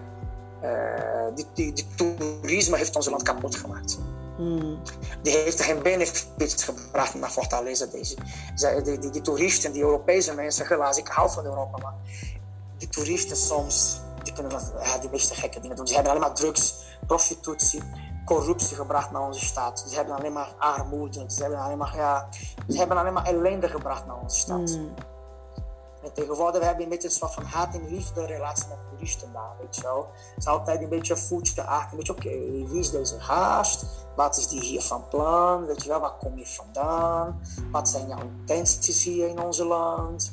Weet je wel, zoek je problemen hier? Dus we hebben nou heel veel meegemaakt met, uh, met vervelende toeristen, hoor. Mm. En um, hoe heb je je vrouw leren kennen eigenlijk? Hier. Dus ik, ik kwam naar Nederland. Ik heb uh, uh, de meester woonde in Tilburg. Ja. En, uh, dus hij was meester van mijn meester daar. Mm-hmm. En toen, die was toen die tijd heel veel behoefte aan capoeira leraar in Europa. Mm-hmm. En toen ik heb een uitnodiging gekregen, toen die tijd was ik een ambtenaar daar. Dus ik had een, uh, een jammerdaal werk van 9 tot 5, hartstikke saai op kantoor, had een computer, weet je wel. Met een pak aan, stropdaasje aan en Ja, zo. ja. Ja, het was Ja, hartstikke saai. Maar ja, er moet wel brood op de plank komen. En dan, uh, ik heb deze uitnodiging gekregen. Ik heb mijn rugzak gepakt en doei gezet. En tegelijk, mijn familie verklaarde mij als gek. nou, dan ben je net gek, maar je hebt hier een carrière, job. Van, van, met pensioen, alles geregeld. Je had jouw rugzak gepakt en je gaat dan naar Europa, naar in, in uh, Nederland. Ik weet niet eens wat Nederland is. en toen ik kwam, ja, zo, zo dachten wij dat met je Nederland. Ik zei tegen mijn vader, Nederland. Mijn, mijn, mijn, mijn ouders zeiden, hey, wat dat is blijft dat? is Curaçao of zo, is hier plaats, is of zo, weet je wel. Ja. Nie, niemand wist dat Nederland was. En mijn vrouw was een leerling van deze meester. Ah.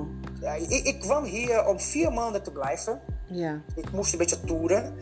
En uh, de plan was om in Oostenrijk te blijven wonen, in Graz. Mm. Maar ik vond Graz helemaal niets. Okay? ik, woonde erop, ik woonde erop een berg, in het midden van nowhere. en ik kom uit een concrete jungle. Deze is alleen maar gebouwen, auto's, lawaai, mensen, weet je Ja, wel. ja, ja. Chaos, sirenes van ambulance en politieauto's en zo. Weet je wel. En dan sta je in een berg. en jij kijkt om je heen, jij ziet alleen maar die oerwouden en huizen in het midden van nowhere. Ja. Toen ik dacht een beetje, man, ik ga terug. Ik ga, ik, ik, ik- no, no, no way dat ik ga in Europa hier meer blijf. Ik ga lekker terug naar. En toen ik kwam naar Nederland, ik was hier anderhalf maand in Nederland. Nou, ik werd gelijk verliefd op Nederland. Maar het was ook zomer natuurlijk. Ah ja. De Ja, zon dat eh, scheelt ook, scheen ook in Nederland. Het was Ja. warm. En toen ik ontmoette mijn vrouw eh, in de les. En ze was liefde in het tweede gezicht. Zeg maar Tweede gezicht. wederzijds, want zij was ook van trouwd op, ja, zij was ook van trouwd op Brazilianen, want ja, we hebben ook een, eh, niet van niets een reputatie met die dames Ja. en een hele slechte reputatie ook. Dat klopt wel helaas, maar ja, er zijn ook uitzonderingen van de regel. Ik was er gelukkig één van, Oh. maar ik moest van haar ook eerst twee maanden lang bewijzen. Om één kusje te geven aan mijn vrouw. Dat was één maand lang. Oh. Daarom ben ik getrouwd. Zij was hard to get. Ik, ik maak nog steeds, wij zijn al 14 jaar getrouwd. Ik maak nog steeds, die gaat bij haar met liefschat. Als jij makkelijk voor mij was geweest, ik had met jou niet getrouwd. Ik zou met jou echt niet trouwen. Maar omdat jij echt hard to get, weet je, oké, dit is de moeder van mijn kinderen. Met die vrouw ga ik trouwen. En toen, eh, ja, voor mij alles was nieuw. Ik, wist niet eens wat het vergelijksvergunning was. Ik dacht in mijn hoofd dat reizen ergens naartoe. Ja. Ik, ik, ik, ik, koopte een ticket en ik ging daar na- naartoe en, en that's it, weet je wel. Ja. En op een gegeven moment, ik was hier, ik had verkering met haar. En eh, mijn meester toen was niet blij. En dan komt weer de politicus van Capoeira, omdat hij dacht ook een beetje shit. Hij is verkering met een Dutch woman. Zij had alles leren aan hem, hoe het systeem werkte toen. Ja, en dan, uh, ja. Dan wordt hij in één keer een hogere band of zo. Ja. En toen, uh, ik, ik, Jolanda roept mij om met haar thuis te gaan wonen. En toen ik was hier al, ik wist niet eens dat ik illegaal was. Ik was al illegaal. Ik was illegaal al 23 dagen. Oké. En toen uh, ik moest mijn paspoort aan haar geven, weet je wel. En toen zei zij tegen mij, jij bent illegaal hier. Toen ik dacht, weet je, illegaal? Wat is illegaal? ja, ze zei een beetje, man, jij bent illegaal. Jij, jij, jij moet terug. Toen dacht ik, ja, je moet terug. Gek, ik ga niet terug, ik blijf hier. en, uh, en, en, toen ik, uh, ja, maar zij, zij zag bij mij ook zoveel, denk ik nog, puurheid. Dat zij zei, weet je, nou weet je, ik ga jouw papieren regelen. Ze hadden toen normen waren van IND. Je moest ook een uh, vast contract hebben, vaste huis, vaste salaris. Hè. Dat is geld. De, toen ik heb wel geleerd dat een verblijfsvergunning kost alleen maar geld. En heel veel geld en gedoe en koppijn. Mm. En toen ben ik teruggegaan en uh, vier maanden wachten op de papieren en staan met haar alles vertalen en zo, stempels. En, uh, en toen, uh, zij vertrouwde mij ook, weet je wel. Ik was helemaal blut deze, ik had helemaal geen cent. Nee, dat snap ik. Ik had niets. Toen ik bij haar ingetrokken was, toen dacht ik, weet je, wow, zij vertrouwt mij. Maar zij zei ook tegen mij, ik ben met jou omdat ik zie dat jij een goede toekomst hier in Nederland hebt. Jij moet even geduld hebben, eerst de papieren, daarna komt de taal. Jij komt ook een jaar of vijf, die is een uitdaging op je leven. En daarna ga jij ook een beetje de vruchten gaan plukken. Weet je, daarna komt het goed. Jij moet vijf jaar volhouden, doen wat je moet doen. Ze zijn een beetje in, in, in, in niet leuke dingen dat je moet betalen en zo, alle culturen, whatever, eromheen. En daarna maak ik een zorg over. Uh, zij was een beetje mijn psychotante, zeg maar. Ik, uh, ja. Mocht niet werken. Mijn, mijn leven was alleen maar de taal studeren, weet je wel. Alles doen. En, uh, maar die allereerste dat ik heb gedaan, ik heb hier nog in mijn vinger, ik heb heel veel verhalen, een trouwring. Mm -hmm. ik, ik, ik, draag deze zij ook. Ja. Die komt van, van die kruidvat. 1,99 euro. Dat was die enige geld dat ik had. Deze. Oh. Ik had geen geld. Ik had, toen ik kocht de ringen. Ja. En, uh, en haar ja. vader kwam bij ons thuis. Een keertje toen ik, uh, ik... Ik heb haar hand gevraagd om te gaan trouwen. Ja. Oh, god. En, en toen haar vader zei tegen mij... Jij bent een man met balen. Ik hou van dat. Jij bent een man met balen. Je hebt de balen, jongen. Ga dat, dat nooit meer vergeten. Want hij vond mij ook toen niet leuk, hè? Mm. Er zijn ook een heleboel verhalen. Wij kunnen hier ook van 500.000 podcasts nog aan maken, hoor. hij bleef zes maanden lang zonder mij geen enkele woord te zeggen. Oh, shit.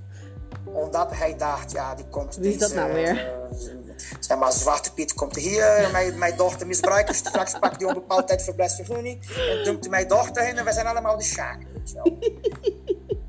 ik kan hen ook helemaal niets te verwijten. Uh, nu begrijp ik hem. Hij is een vader, hij, uh, zijn dochter, weet je wel. Dus die, die familie is een schat. Maar toen hij, hij merkte dat echte liefde was, mm. hij is mijn vader. Ik, ik noem hem pa. Ja, goed zijn naam is Piet, ik noem hem pa Piet. Hij, hij is mijn vader. Ja. En hij zei ook een keertje tegen mij, ook een beetje jonge man, weet je, relaties kunnen kapot gaan, nooit, you never know. Alles kan gebeuren in het leven. Maar wat dan ook, jij blijft mijn zoon. Oh. Hij zei tegen mij, jij bent mijn zoon. Ik moest een keertje, mijn, Jolande is mijn vrouw, hele slimme Dutch woman. Mm.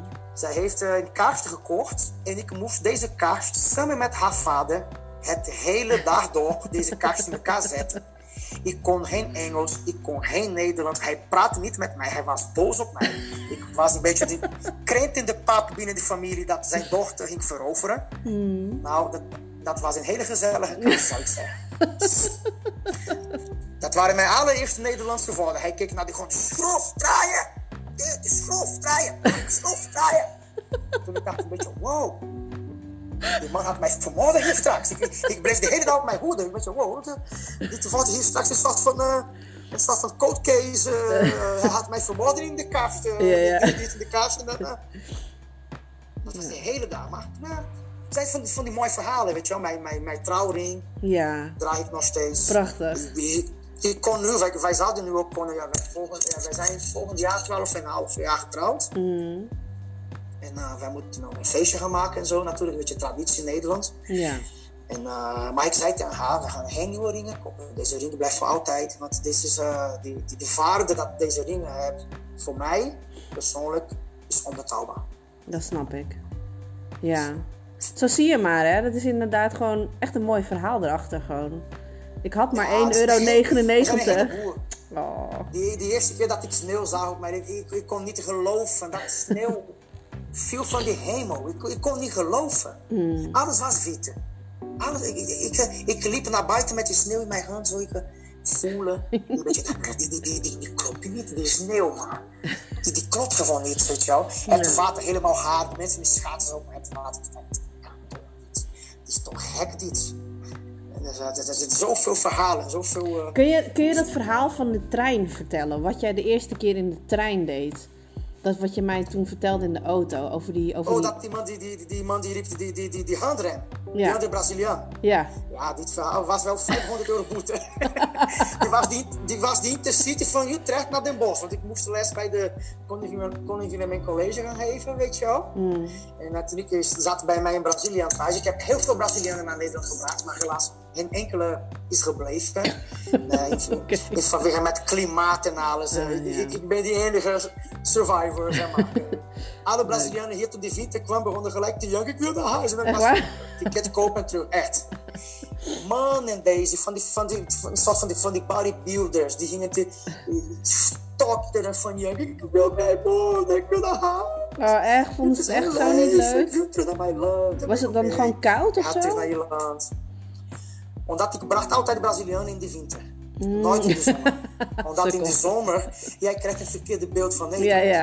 En de realiteit, dat weten wij allemaal hier, is koud en grijs en nat en saai. En, eh, ja. en ik was met deze Braziliaan in de Intercity. Maar ja, ik, eh, die trein naar het station. En eh, hij naderde het station Den Bosch, zeg maar. En toen, ik hoorde nog eh, die stem. Ik, ik kon nog amper Nederlands spreken toen die tijd. Maar mijn vrouw had mij, mijn, mijn vrouw werkt bij de NS. Die had ook mij geleerd om de borden te kijken, weet je wel. Bepaalde seintjes om... eh, om eh, toen ik beetje, oké, wij naderen Den Bosch. Ik, ik, hoorde een beetje... Ros, ros, ros, richting Den Bosch. Een beetje, oké, station Den Bosch, wij moeten hier uitstappen. Maar wat wij doen is, mensen beginnen op te staan en die beginnen langzaam te lopen richting de deur van de trein. Omdat de trein stopt en iedereen loopt naar buiten. Wat dacht de Braziliaan?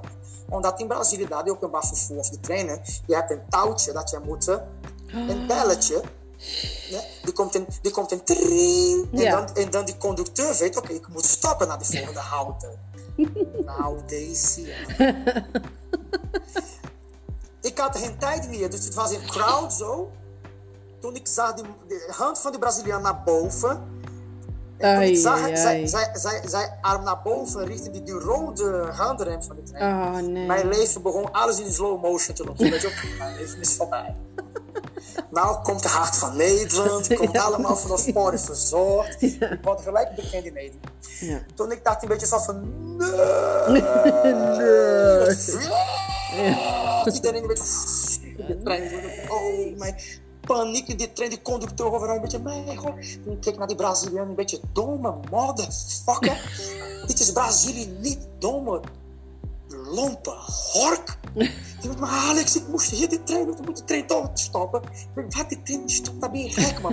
We worden hier aangehouden, ik ben de politie, sportpolitie, pro-rail, alles. Het hele systeem van de NS werd ontregeld deze jaar. Ja, hè? Omdat het net, die treinen in Nederland, dat wist ik niet toen die tijd natuurlijk. Maar die treinen zijn hier seconden achter elkaar ingesteld. Zo strak is de, zijn de spoorwegen in Nederland. Dat weet ik veel toen die tijd. 500 euro de politiebureau, 500 liter koffie gedronken daar. Preken van mijn leven gekregen, maar die heeft zijn voordelen, want ik kon geen Nederlands spreken, dus ik kon daar de hele dag alleen maar horen. Je stond alleen zo. Ik hoorde alleen maar, ja, ik hoorde alleen maar de man met ja, ja, ja, ja, ja, oké, ja, ah. En koffie, koffie, ja, mijn vrouw moest ook, Ja, daar ook gaan vrouw blij. Ja. Mijn vrouw gaat naar die hemel. Mijn vrouw heeft al alles meegemaakt dat een vrouw kan meemaken. Met Brazilianen heeft mijn vrouw meegemaakt. Alles. Bleven ze ook dan, waar bleven ze dan slapen, die, eh, eh, die jongens die jij dan meebracht? Bleven ze bij jullie Altijd slapen? Altijd. Maar dat vond je vrouw volgens mij ook niet altijd tof, denk ik. Ja, maar mijn, mijn vrouw kent niet anders. Want mijn vrouw is ook. Mijn, mijn vrouw komt uit de capoeira wereld ook. Dus in, eh, maar ja, ik heb hier. Zij bleef bij ons thuis drie maanden lang. Dus zij moet natuurlijk ook een, eh, een een deel van jouw privacy ook een beetje inleveren, weet je wel. Wij hadden toen die tijd nog geen kinderen. Dat was wel een stuk eenvoudiger. En, eh, maar Ja, wij woonden nog in Utrecht. Wij woonden in een studio, hè. Dus we hadden geen kamers. Het was ook een studio. Dus eh, die was een beetje eh woonkamer, ke- eh, slaapkamer en keuken. Die was een kleine studio, zeg maar. helemaal eh, beneden. Gezellig. En, eh, er stond ook een Braziliaan daar de hele nacht eh, de scheets te laten met slaapjesnurken, weet je wel. En, eh, maar het was leuk. Ik had, toen er waren ook eh, die evenementen hier, want we hadden ook eh, een capoeira één keer per jaar, eh, die festival. Dus die festival kwamen hier honderden mensen naar Nederland. Nou, ik had in mijn woonkamer eh, twintig Brazilianen. Dus, Gezellig.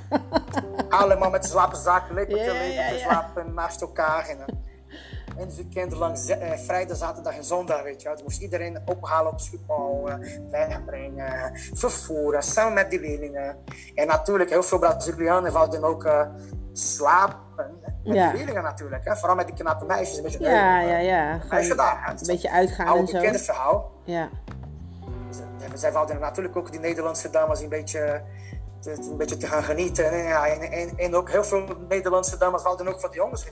Dus eh het was een beetje die pe- perfecte crime scene, weet je wel. ja, zeker. Oh my god. Oh, oh, oh. Ik denk, dat er zijn dus wel wat harten gebroken, denk ik. In die Ja, periode. heel veel. Heel veel. Ik zei altijd tegen die Ga dames, weer weg hoor. Altijd, het was altijd raken deze aan. Ik zei een beetje, word niet verliefd op de Braziliaanse jongen. Want jij had een, jij had een gebroken hart krijgen. Ja, maar Alex, jij bent toch getrouwd met Ja, man? Ik- precies. Ja, maar ik ben geen regel, ik ben een uitzondering. Had niet verwarring in je hoofd. Ja. Het, het, het was geen enkele keer raken. Die waren honderden dames. Geen enkele, allemaal gebroken hart. En plus, ik raak nog een leerling kwijt, hè. Ja, ja, klopt. En, en dat Ja. vond ik ook altijd een beetje onterecht. Nou, met een beetje aan potverdorie. Jij hebt een verkering met die jongen. Jullie pakken allemaal de lusten en ik blijf met de last. Dus die verkering is kapot, die gebroken hart. Ja, dat meisje gaat eraf. kreeg de schuld Ja. en ik raak een hele leuke leerling kwijt. aan. ik heb de touw kwijt. De touw kwijt. Geen enkele keer. En ik heb honderden gebracht naar Nederland. Geen enkele keer was raken. Wat is dat Was een toch? paar keer. Ja, een paar, paar maanden, weet je wel, twee, drie maanden. Ja. Even flinke verkeerde verliefd. Dus dan weet je, aha, verliefd, hè, oké. Ja. Ook goed zo, goed. Le- Leuk hoor. En daarna was alleen maar de ruzie. Drama. ja, maar wat, wat is gebeurd? Ja, weet je, Alex. Hij, hij is naar buiten gegaan met mijn zus. Of met mijn beste vriendinnetje, weet je wel. Ja. Allemaal voor de Brazili Brazilian style verhalen, weet je wel. Dus Brazilianen kunnen sommige dingen heel goed voor elkaar krijgen, hoor. Vooral zussen. Zussen. Nou, eh, die was eentje. Zussen. Die, mijn- die Braziliaan had verkering met die dame. Ja. Maar daarna, hij had ook tegelijkertijd verkering met haar en met haar moeder. Nee. Ja, en zij ontdekte. Oh, Ja, het was gezellig. het was heel gezellig. Wat erg. En nou, er was een drama, ruzie over oude koffers gooien op straat. Ik moest die gast... Ik woonde in Utrecht. Ik, mo ik moest... eh, naar, weet niet, ik, ik weet niet meer waar die was. Ik moest die gaan halen met die koffers, alles. Weet je wel, van die ellende. En, eh, heel veel. En, eh, en vroeger, we hadden natuurlijk ook vroeger, toen ik nee, die- tegenwoordig niet meer, maar vroeger ze hadden ook die traditionele Braziliaanse feesten, weet je wel. Nou, iedereen keek naar uit naar die Braziliaanse feesten. Zo, en dan eh muziek, caipirinha, dames en die jongens, en dan begint de helma's. Hè? Dan jij ziet pas. Mensen zeggen, oké, ik ga naar huis met de Brazilianen. Dat, en eentje, daar- iedereen, niemand sliep bij mij thuis. Iedereen sliep bij iemand, weet je wel was one night stand overal. Een beetje nou. En ik keek altijd naar mijn vrouw en beetje, maar Jolande, maar deze dame, die ziet zo lief uit en Ja. onschuldig. Nee, nee. Die alle onschuldige dames, die waren leerlingen van mij. Die waren de meeste gevaarlijke sneaky dames hoor. Zo hé. En ik heb ook de, de verboden, maar die verboden verhalen, die, die mag niet in de podcast. Nee. Ik vertel dat een keertje ook persoonlijk. Ik heb een heleboel van de, van die hele grote verboden nare verhalen ook hoor. Zo. Maar ik bedoel, ja, weet je, ik snap het wel een beetje van, zeg maar, de Braziliaanse mannen. Kijk, als ik dan een beetje jouw leven hoor, het is lekker naar buiten, lekker iedereen die Ja. praat, lekker, lekker chatty met elkaar natuurlijk. Ja. En het is natuurlijk ook echt, ja, weet je, het is, een, het is een mooie sport en je wordt er heel erg, ja, weet je, het is gewoon een mooie sport ook om te zien. Het is heel eh, atletisch en zo. Ja, en de jongens zijn natuurlijk allemaal, denk ik, dan jong. En ik denk, oeh, lekker. Allemaal uh, afgetraind. Ja, gewoon mooie mannen. Ja. Er hangt die sfeer. Ja. Die sfeer van, Ja, maar die vrouwen zijn dat ook niet gewend hoor. Die vrouwen zijn dat ook niet gewend. Ik bedoel, ik kan me voorstellen dat jij als, als heel verlegen, weet ik veel, net Nederlands meisje, dat je denkt, wow, wat is dat nou Ja, weer? Ik, ja, ik, heb altijd tegen mijn, mijn Hollandse jongens, ik, ik, ik, ik doe dat nog steeds. Ik zeg altijd tegen die jongens, je moet dansen. Met Ja. de dames, dan moet je dansen. Ja. ja, maar Alex, weet je, ja, we zijn westerse mensen. Hè? Westerse mensen is dansen met een biertje de hand. Weet je, hey, hey. Weet je, man, als jij zo danst in dan wordt geen kindjes gemaakt, hè? Nee. Moest vocht, moet, moet vocht geplant worden in de Ja, jongen. Dus, en, eh, maar en natuurlijk ook bij die feestjes daar. Braziliaans feest, Braziliaanse muziek, Braziliaanse drankjes. Die Braziliaanse jongens, voor hun is de normaalste zaak van Ja, de wereld. ja, Zij lopen naar die dames toe en die roepen om te gaan dansen. ja. Weet je, sausen en Ja, zo. weet ja, ja, ja. Maar die Nederlandse dames vinden dat dat Want niet gewend. in het algemeen, ze zijn helemaal niet gewend met dat soort approach, weet je wel. En dat, jij voelt zich een prinses, weet je wel. Ik, ik zeg altijd, niet, niet in het algemeen, zeg maar, niet alles is eh, zwart-wit, maar ik- ik zeg altijd, Braziliaanse jongens, die gaan ook heel veel dingen doen met een meisje, dat in een in een algemene Hollandse jongen zou nooit durven te doen. Nee. Alle vlakken, in alle eh, eh, eh, kleuren van de regenboog. Hmm. Dus, die breekt de protocol, weet je wel. Ik ken natuurlijk ook heel veel Hol- Hollandse jongens, die doen ook alles ook. Die dansen, die doen ook alles hoor. Maar, maar dat is niet... is nu wel ietsje Algemeen. meer, denk ik, dan vroeger. Misschien dat het nu meer, ook met, verschillende muziekstijlen en inderdaad, eh, ehm, ja, dat je wat meer, misschien als Hollandse jongen ben je wat, heb je wat meer invloeden, zeg maar. Ook met meer Precies, muziek. ja. Eh, dus je hebt natuurlijk ook wat meer festivals ook eh, daarop gericht. Latin Village en eh, dat soort dingen allemaal. Maar inderdaad... net veranderen. Ja, klopt. Maar dat is eigenlijk ook wel weer leuk. Want inderdaad, wat je zegt, een man inderdaad die alleen met zijn biertje staat te horsen. Ja, ik weet niet. Dat, Is lifestyle, weet je wel. Dat, dat is wel lifestyle. ik, heb, ik, heb, ik heb een keertje een ruzie gehad met mijn eh, stiefbroer, zeg maar. Hmm. En eh, hij zei tegen mij, ja Alex, maar als ik zou samen met jou naar een feestje gaan, naar een disco... Hmm. Ik garandeer jou, ik kan evenveel dames scoren als jij. Toen dat weet je, jongen, dat is no way, jongen. De Braziliaanse babbeltje. Toen die vrouw minder denkt, zij is al lang ingetrapt in die babbeltje. jongen. Ja. Al lang die babbeltjes, eh, ja. die had nooit fout. Nooit fout. Ja, die, had, die, die had fout daarna. Ja, ja. Daarna wel flink fout. Maar een maand of twee, dan had wel flink fout, hoor. In de honeymoon fase niet. In de honeymoon, alles is beautiful, alles is gezellig. Maar daarna, en dan gebeurt zoals ik net zei. Dan ga jij ook uh, verkering krijgen met de moeder van de dame. En dan, ja, en dan, dan- Gaat helemaal fout. doe even normaal. ja, inderdaad. Doe even normaal. Wauw, heftig. Ja, wel leuk. Toch? Ik bedoel, ja, dan hebben we wel iets om te lachen, zeg maar. Je hebt wel... ja, Ja. het zijn allemaal ervaringen, weet je wel. Ik, ik probeer ook de, de, de grappigste kant en de positieve kant te gaan kijken, weet je wel. Ja. En, natuurlijk ook, die minpunt is altijd die gebroken harten. Dus jij raakt ook... eh, Ja. Ik heb heel veel eh leerlingen kwijtgeraakt. Die waren ook superleuke dames, weet je wel. Het waren echt eh, toegevoegde waarden binnen mijn, binnen mijn netwerk. En ik heb ze ook, ja...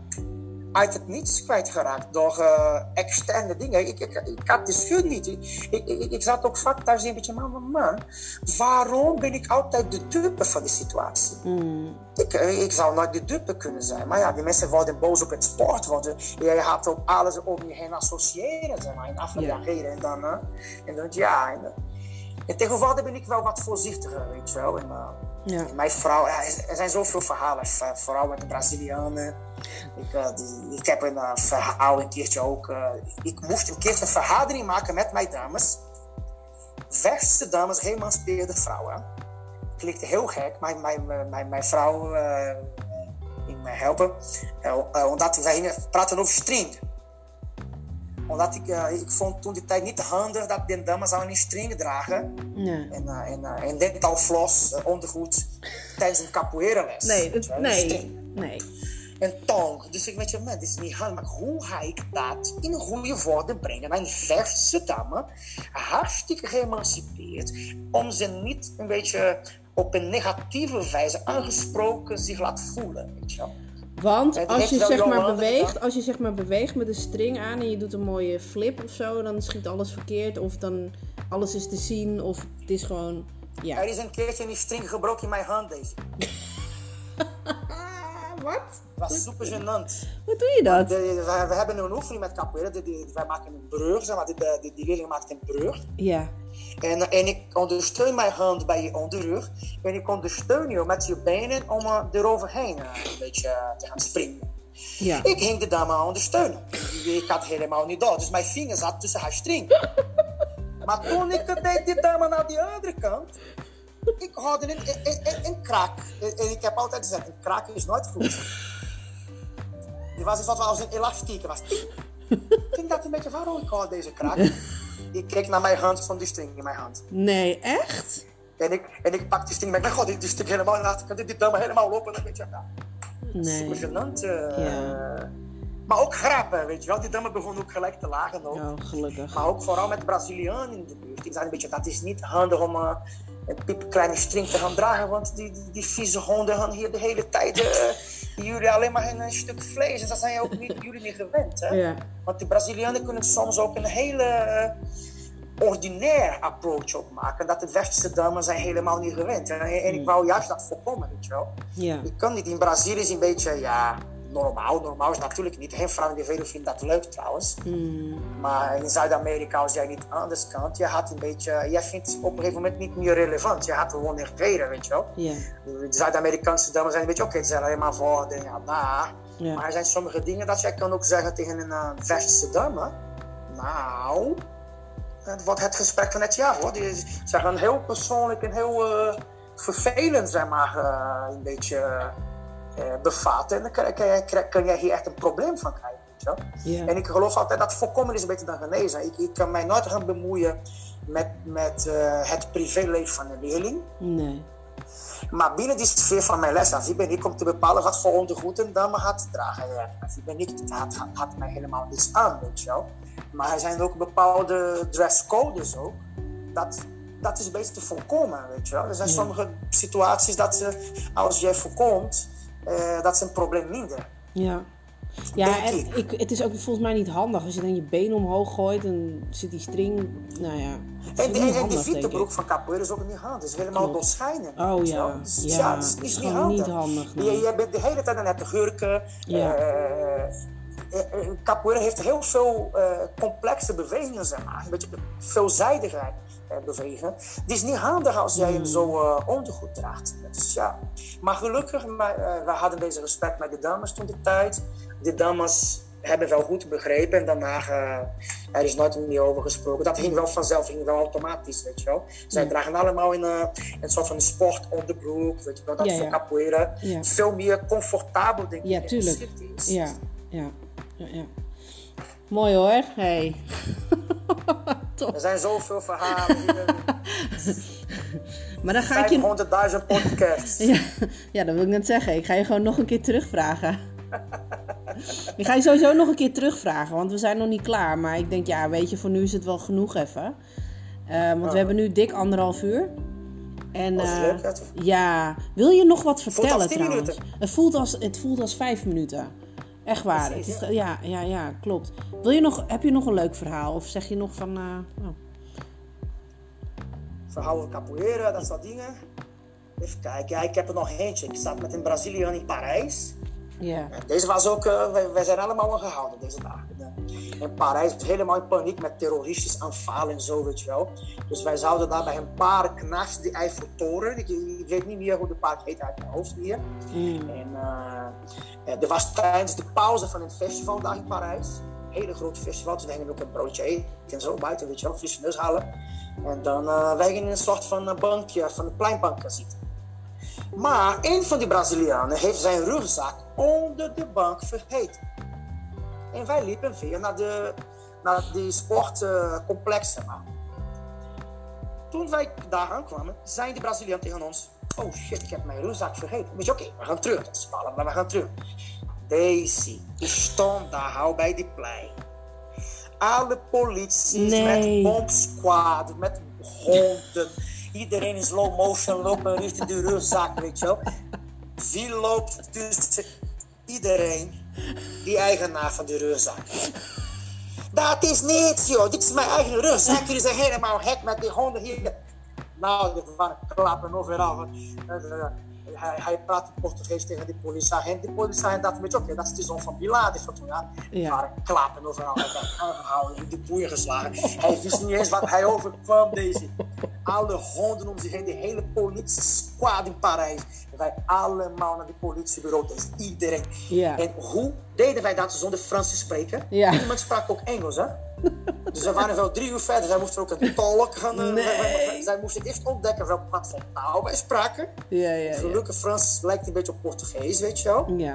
En dan eh, moesten tolken blijven. We moesten allemaal ook boetes gaan betalen. Het zijn allemaal van, de, van, van die gekke verhalen van de Brazilianen. Hoor, zegt Oh, ze. heerlijk.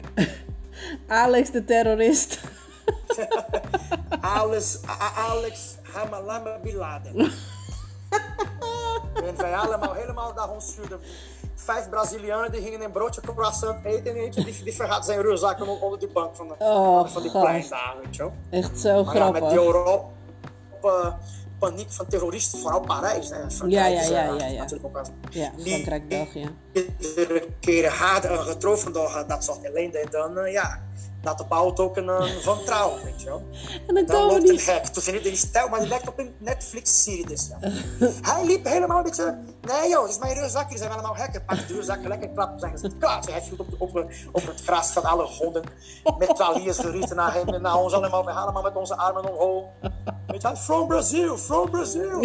Het enige wat wij konden zeggen. Brazil, peace and love, Brazil, from Brazil. Van Brazil. Iedereen op de, op de grasveld, daar gras op onze gezicht. Allemaal in de boeien geslagen. Allemaal naar het politiebureau gebracht. Als, te, als terroristen uit, uit Brazilië. Dat is Er het zijn beste. heel veel verhalen. Is echt heel veel. Het is echt, eh, Ja, ik dat is ook grappig. Want, vrouw zei eh, altijd, als jij ooit een boek gaat schrijven, alleen over de capoeira Europa verhalen, Ja. dat wordt een bestseller. Dat wordt echt, een bestseller. Maar de zeker, ja. Netflix seizoenen, de- eh, groter dan de Game of Thrones. Er worden wel 25 seizoenen van, de- Wauw. van de verhalen. Lachen. En ehm, die ene, dat, was echt, dat is al echt een aantal jaar geleden. Daar ging je toen iets mee terugbrengen. Je ging iets terugbrengen in. eh, want inderdaad, ik hoor je natuurlijk niet veel eh, eh, Braziliaans praten. Maar toen hoorde ik je wel even met die jongen inderdaad een conversatie doen. En dat is wel heel grappig. Want eh, ja, toen was het echt even van, oh ja, weet je wel. Ik, ik hoor het nu vaker. Ik hoor je nu vaker eh, via Instagram als Braziliaanse eh, praten. Maar toen was het echt zo, oh, oh ja, natuurlijk. Hij spreekt natuurlijk ook Braziliaans, weet je wel. Dat vond ik echt wel grappig. Ja. Wat ik tegenwoordig doe, ik, ik, ik spreek altijd als ik in Nederland ben met een Braziliaan, of spreek ik Engels of spreek ik Nederlands. Want ik, eh, ik, you never know, ik heb, ik heb een slechte ervaring ook met een Braziliaan in de trein. Mm. En eh, gelu- gelukkig op deze dag, ik hield mijn mond dicht, maar wij, wij zaten in een intercity met die vier stoelen, weet je wel. Mm. En uh, dus toen stonden die- de Braziliaan en ik en twee echt op een plat Hollands, zeg maar, met alle, with all due respect, twee lekker vijven tegenover ons. Twee, echt ongelooflijk. Knappe vrouwen. En toen die Braziliaan naast mij, die heilige hond, begon in Portugees eh, tegen mij te praten, maar ik, keek gewoon naar die dames. Ik heb helemaal niets gezegd. Maar hij begon alleen maar vieze dingen te zeggen. Ah, als ik deze dame pak, ik zou Oh. dit doen en dat doen, ik zou zo doen en zo doen. En ik stil. jammer. Die dames die spraken Portugees ook. Klaar op zijn gezicht. Klaar, vieze, vuile fabulosa. Ik spreek alles in Portugees, hè? Mhm. En uh, toen hij begon, hé, hey, beetje weg, excuus, excuus. Het was mijn intentie niet. Hé, hey, ga de politie bellen. Toen een beetje, mijn god, man, wat doe ik Zit ik hier weer naast? Ik, ik zei een beetje, why me, weet je wel? Elke keer, why me? Elke keer ik moet dat soort eh, verhalen meemaken. Die dames waren Ja, Twee oer-Hollands Dutch, Nederlandse dames. Ja, ja. Maar een van die dames sprak Portugees accentloos. Braziliaans Portugees. Maar die, ja, hij, die, die, die, ik, kan haar ook niet te verwijten. Die man praat alleen maar porno naast mij. Ja, ja, ja. Want hij dacht een beetje, ja, dat is lekker makkelijk. Ik praat mijn eigen taal. Zij snappen niet wat ik bedoel. Mm. Dus ik kan hier gelijk in mijn hangetje gaan. Maar nou, Carmen is een bitch. Carmen kwam op bezoek op deze dag. Wat ten klappen heeft die gast gekregen zijn Oh. Dat was terecht. Ja. En daarna ging hij ja. het hele avond nog. Hij bleef met die vijf vingers van die dame op zijn gezicht zo. en ik bleef ja, mooi tatoeage, hè? Ja. Dat is leuk, hè? Praat eens met die dame, hè? Ja, Welkom to Europa, jongen. Ze zijn geëmancipeerde vrouw, hè? Denk jij dat die dames gaan hier pieken, die shit dat die Braziliaanse vrouw daar moet, moet pieken, hè? Dan krijg jij elke dag hier klappen op je gezicht, jongen. Ga je naar de gevangenis hier, jongen. Dus, uh, je moet uh, die dames gaan behandelen met respect, weet je wel. Maar ja, die gasten hebben geen dochters. Tegenwoordig, ik heb een dochter, dus ik denk helemaal anders over vrouwen. Mm. Als je een dochter krijgt, ja, en dan... Uh, die meeste grootste hypocriet van de aarde ben ik ook in dit geval. ik ben... Mijn dochters, dat maar alles, maar niet. Dus ja, nou, uh, wat iets anders, weet je wel. Maar die, die, die, die geboorte van mijn dochter bracht mijn uh, respect richting voor vrouwen uh, nu torenhoog. Dus, mm. Ik blijf een man natuurlijk, maar respect is... omdat ik wil natuurlijk ook dat toekomst die jongens gaan mijn dochter ook respecteren. Anders, ja. anders kom ik op bezoek. ja, We hadden heel vervelende bezoek. Ja. En Zuid-Amerika, als zij komen hier op mijn stoep mijn dochter halen. Zij krijgen hier heel, heel leuk voor elkaar hoor. Mm. Je dochter heeft ook echt een hele mooie naam. Ja. Zonnetje. Ja, ja. Ja, echt heel mooi. Heel Knappe dame als de moeder, gelukkig. als de vader zou alleen maar trouwen met 60 jaar oud. Oh, nee joh. Maar zij is knap, die gaat wel snel trouwen. Leuk, leuk, leuk, leuk. leuk. Zijn wel altijd in Brazilië knappe dames gaan altijd snel trouwen. Echt waar? Blijf niet langer thuis. hey, en, knappe dame. Ja, zeker. Echt, echt een mooi meisje. En um, uh, ga je dan na de uh, corona, na de pandemie, uh, lockdown, hoe is het eigenlijk daar nu met familie? Hij is ellendig. Daar is de volledige lockdown op dit moment. Mm. Brazilianen mogen niet zomaar naar buiten. Maar ja, tot vorige week, hè, sinds volgens mij een dag of twee, alles is weer open. Dus ja, de president, dat zien wij helaas op televisie. Economie moet draaien, er moet geld verdiend worden. Natuurlijk mm. heeft een punt. Ja. We, hebben daar die, we hebben daar die voorzieningen niet van hier. Mm. Met een tozo. Ik, ik zit thuis met een tozo-regeling, met, met, met de CCP-regeling thuis. Ja. Dus in Brazilië, we hebben zoiets niet. Dus ja, Nee. als jij, jij woont in een sloppenwijk, je hebt uh, acht kinderen die moeten ook uh, eten. Ja. Nou, je moet gaan werken. Deze, Ja. Ze hebben een punt. Maar ik zeg ook altijd, een dode betaalt geen rekening. Hè? Nee. Als je dood bent, je gaat dood, want er zitten daar ook op dit moment in Brazilië, die gaat één persoon per minuut overleden aan corona. Dat is wel heel uh, erg, ja. Dus en, die, en die gaat alleen maar erger van. Nou, alles is weer open en die gaat, die gaat ontploffen. Die boel gaat daar echt ontploffen. Dus ik was van plan dit jaar om te gaan, omdat ik moest nog uh, de inventaris van, van mijn vader, zeg maar, want mijn vader is vijf jaar geleden overleden. En we zitten al vijf jaar met een inventaris bezig, met alle, alle uh, possessions, zeg maar, weet je wel, huis en zo. En, uh, delen met de broers en mijn moeder. En nu zit het proces in de laatste fases. Het huis van mijn ouders is verkocht. En dan wij moesten allemaal uh, handtekeningen zetten op de, die papieren. Mm.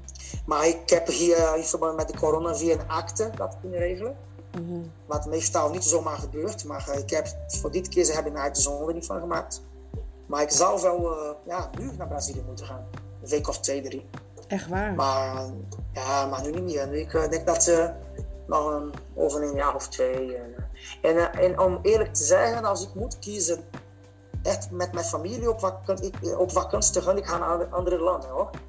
Ik ga naar, weet ik veel, Italië of Spanje. Want Brazilië, zoals ik zei uh, een tijdje geleden, binnen een week, ik heb weer alles gezien. Die mentaliteit van die mensen is nog steeds hetzelfde. En dan wil ik terug naar Nederland. Dus uh, het is veel beter naar een onbekende land te gaan. Ja. En daar hou jij veel meer uit, weet je wel. Je gaat dingen ontdekken. Dus leuk met familie samen. Ja. En uh, Brazilië, ja. Maar dat is ook lastig voor mij ook. Mensen denken dat ik rijk ben. Dus Ja. als ik daar op straten loop, uh, loop ik ook bang. Ik ben, ik ben de hele tijd op mijn hoede. Ik ben niet bang voor mezelf, maar ik ben meer bang voor mijn kinderen en voor mijn vrouw. Weet je wel. Mm. Die mensen denken dat ik hier miljonair ben geworden. En ze zeggen een beetje, jongens, ik ben een ordinary guy. Ik, ik, ik, ik werk voor mijn centjes. Ja, maar jij verdient in euro's en zo. Een beetje, ja bro, ik verdien in euro's. Maar, Maar je geeft geef ook uit. in euro's ja, ook. precies. Nou, als ik in euro's zou verdienen en in reais is onze munt, nou, dus in euro is 6 reais. Ja, ik zou hier een uh, koningsleven hier nemen, maar nee, ik, uh, ik verdien in euro, maar ik geef ook uit in euro's ook. Dus ja, Ja. dus, uh, Ja. maar ik ben bang soms daar. Ik, uh, ik, ik, ik, ik, loop op mijn hoede, want ja, you never know, want die mensen trekken verkeerde conclusies over jouw persoon daar en die kan wel flink mislopen. Daar hoor, het kan echt uit de hand lopen soms. Ja. ja. Hey, um, uh, dankjewel voor uh, alles. Ik vond het echt super gezellig. Ik ga je gewoon uh, heel snel. Ik ga je gewoon heel snel weer vragen, want ik vind het echt super gezellig. Gezellig, ik ben thuis. Ja, zoals iedereen, hè? Ja, nee, klopt. Maar ik, uh, nou top. Ik ga er een, uh, ik ga een voorstukje zeg maar maken. En, en dan ga ik kijken of ik het kan publiceren. Ik vond het in ieder geval heel tof. Dankjewel. Ik ga je heel snel weer vragen. Ik ga heel snel weer vragen. En uh, nou, uh, tot snel dan. Dankjewel. Tot snel. Joe. Doe maar de groeten aan Joost Ja. en de kindjes thuis. Ja, zeker. elkaar snel. Tot, tot snel. Doei doei. Doeg. Ciao, ciao. Doei. Doei.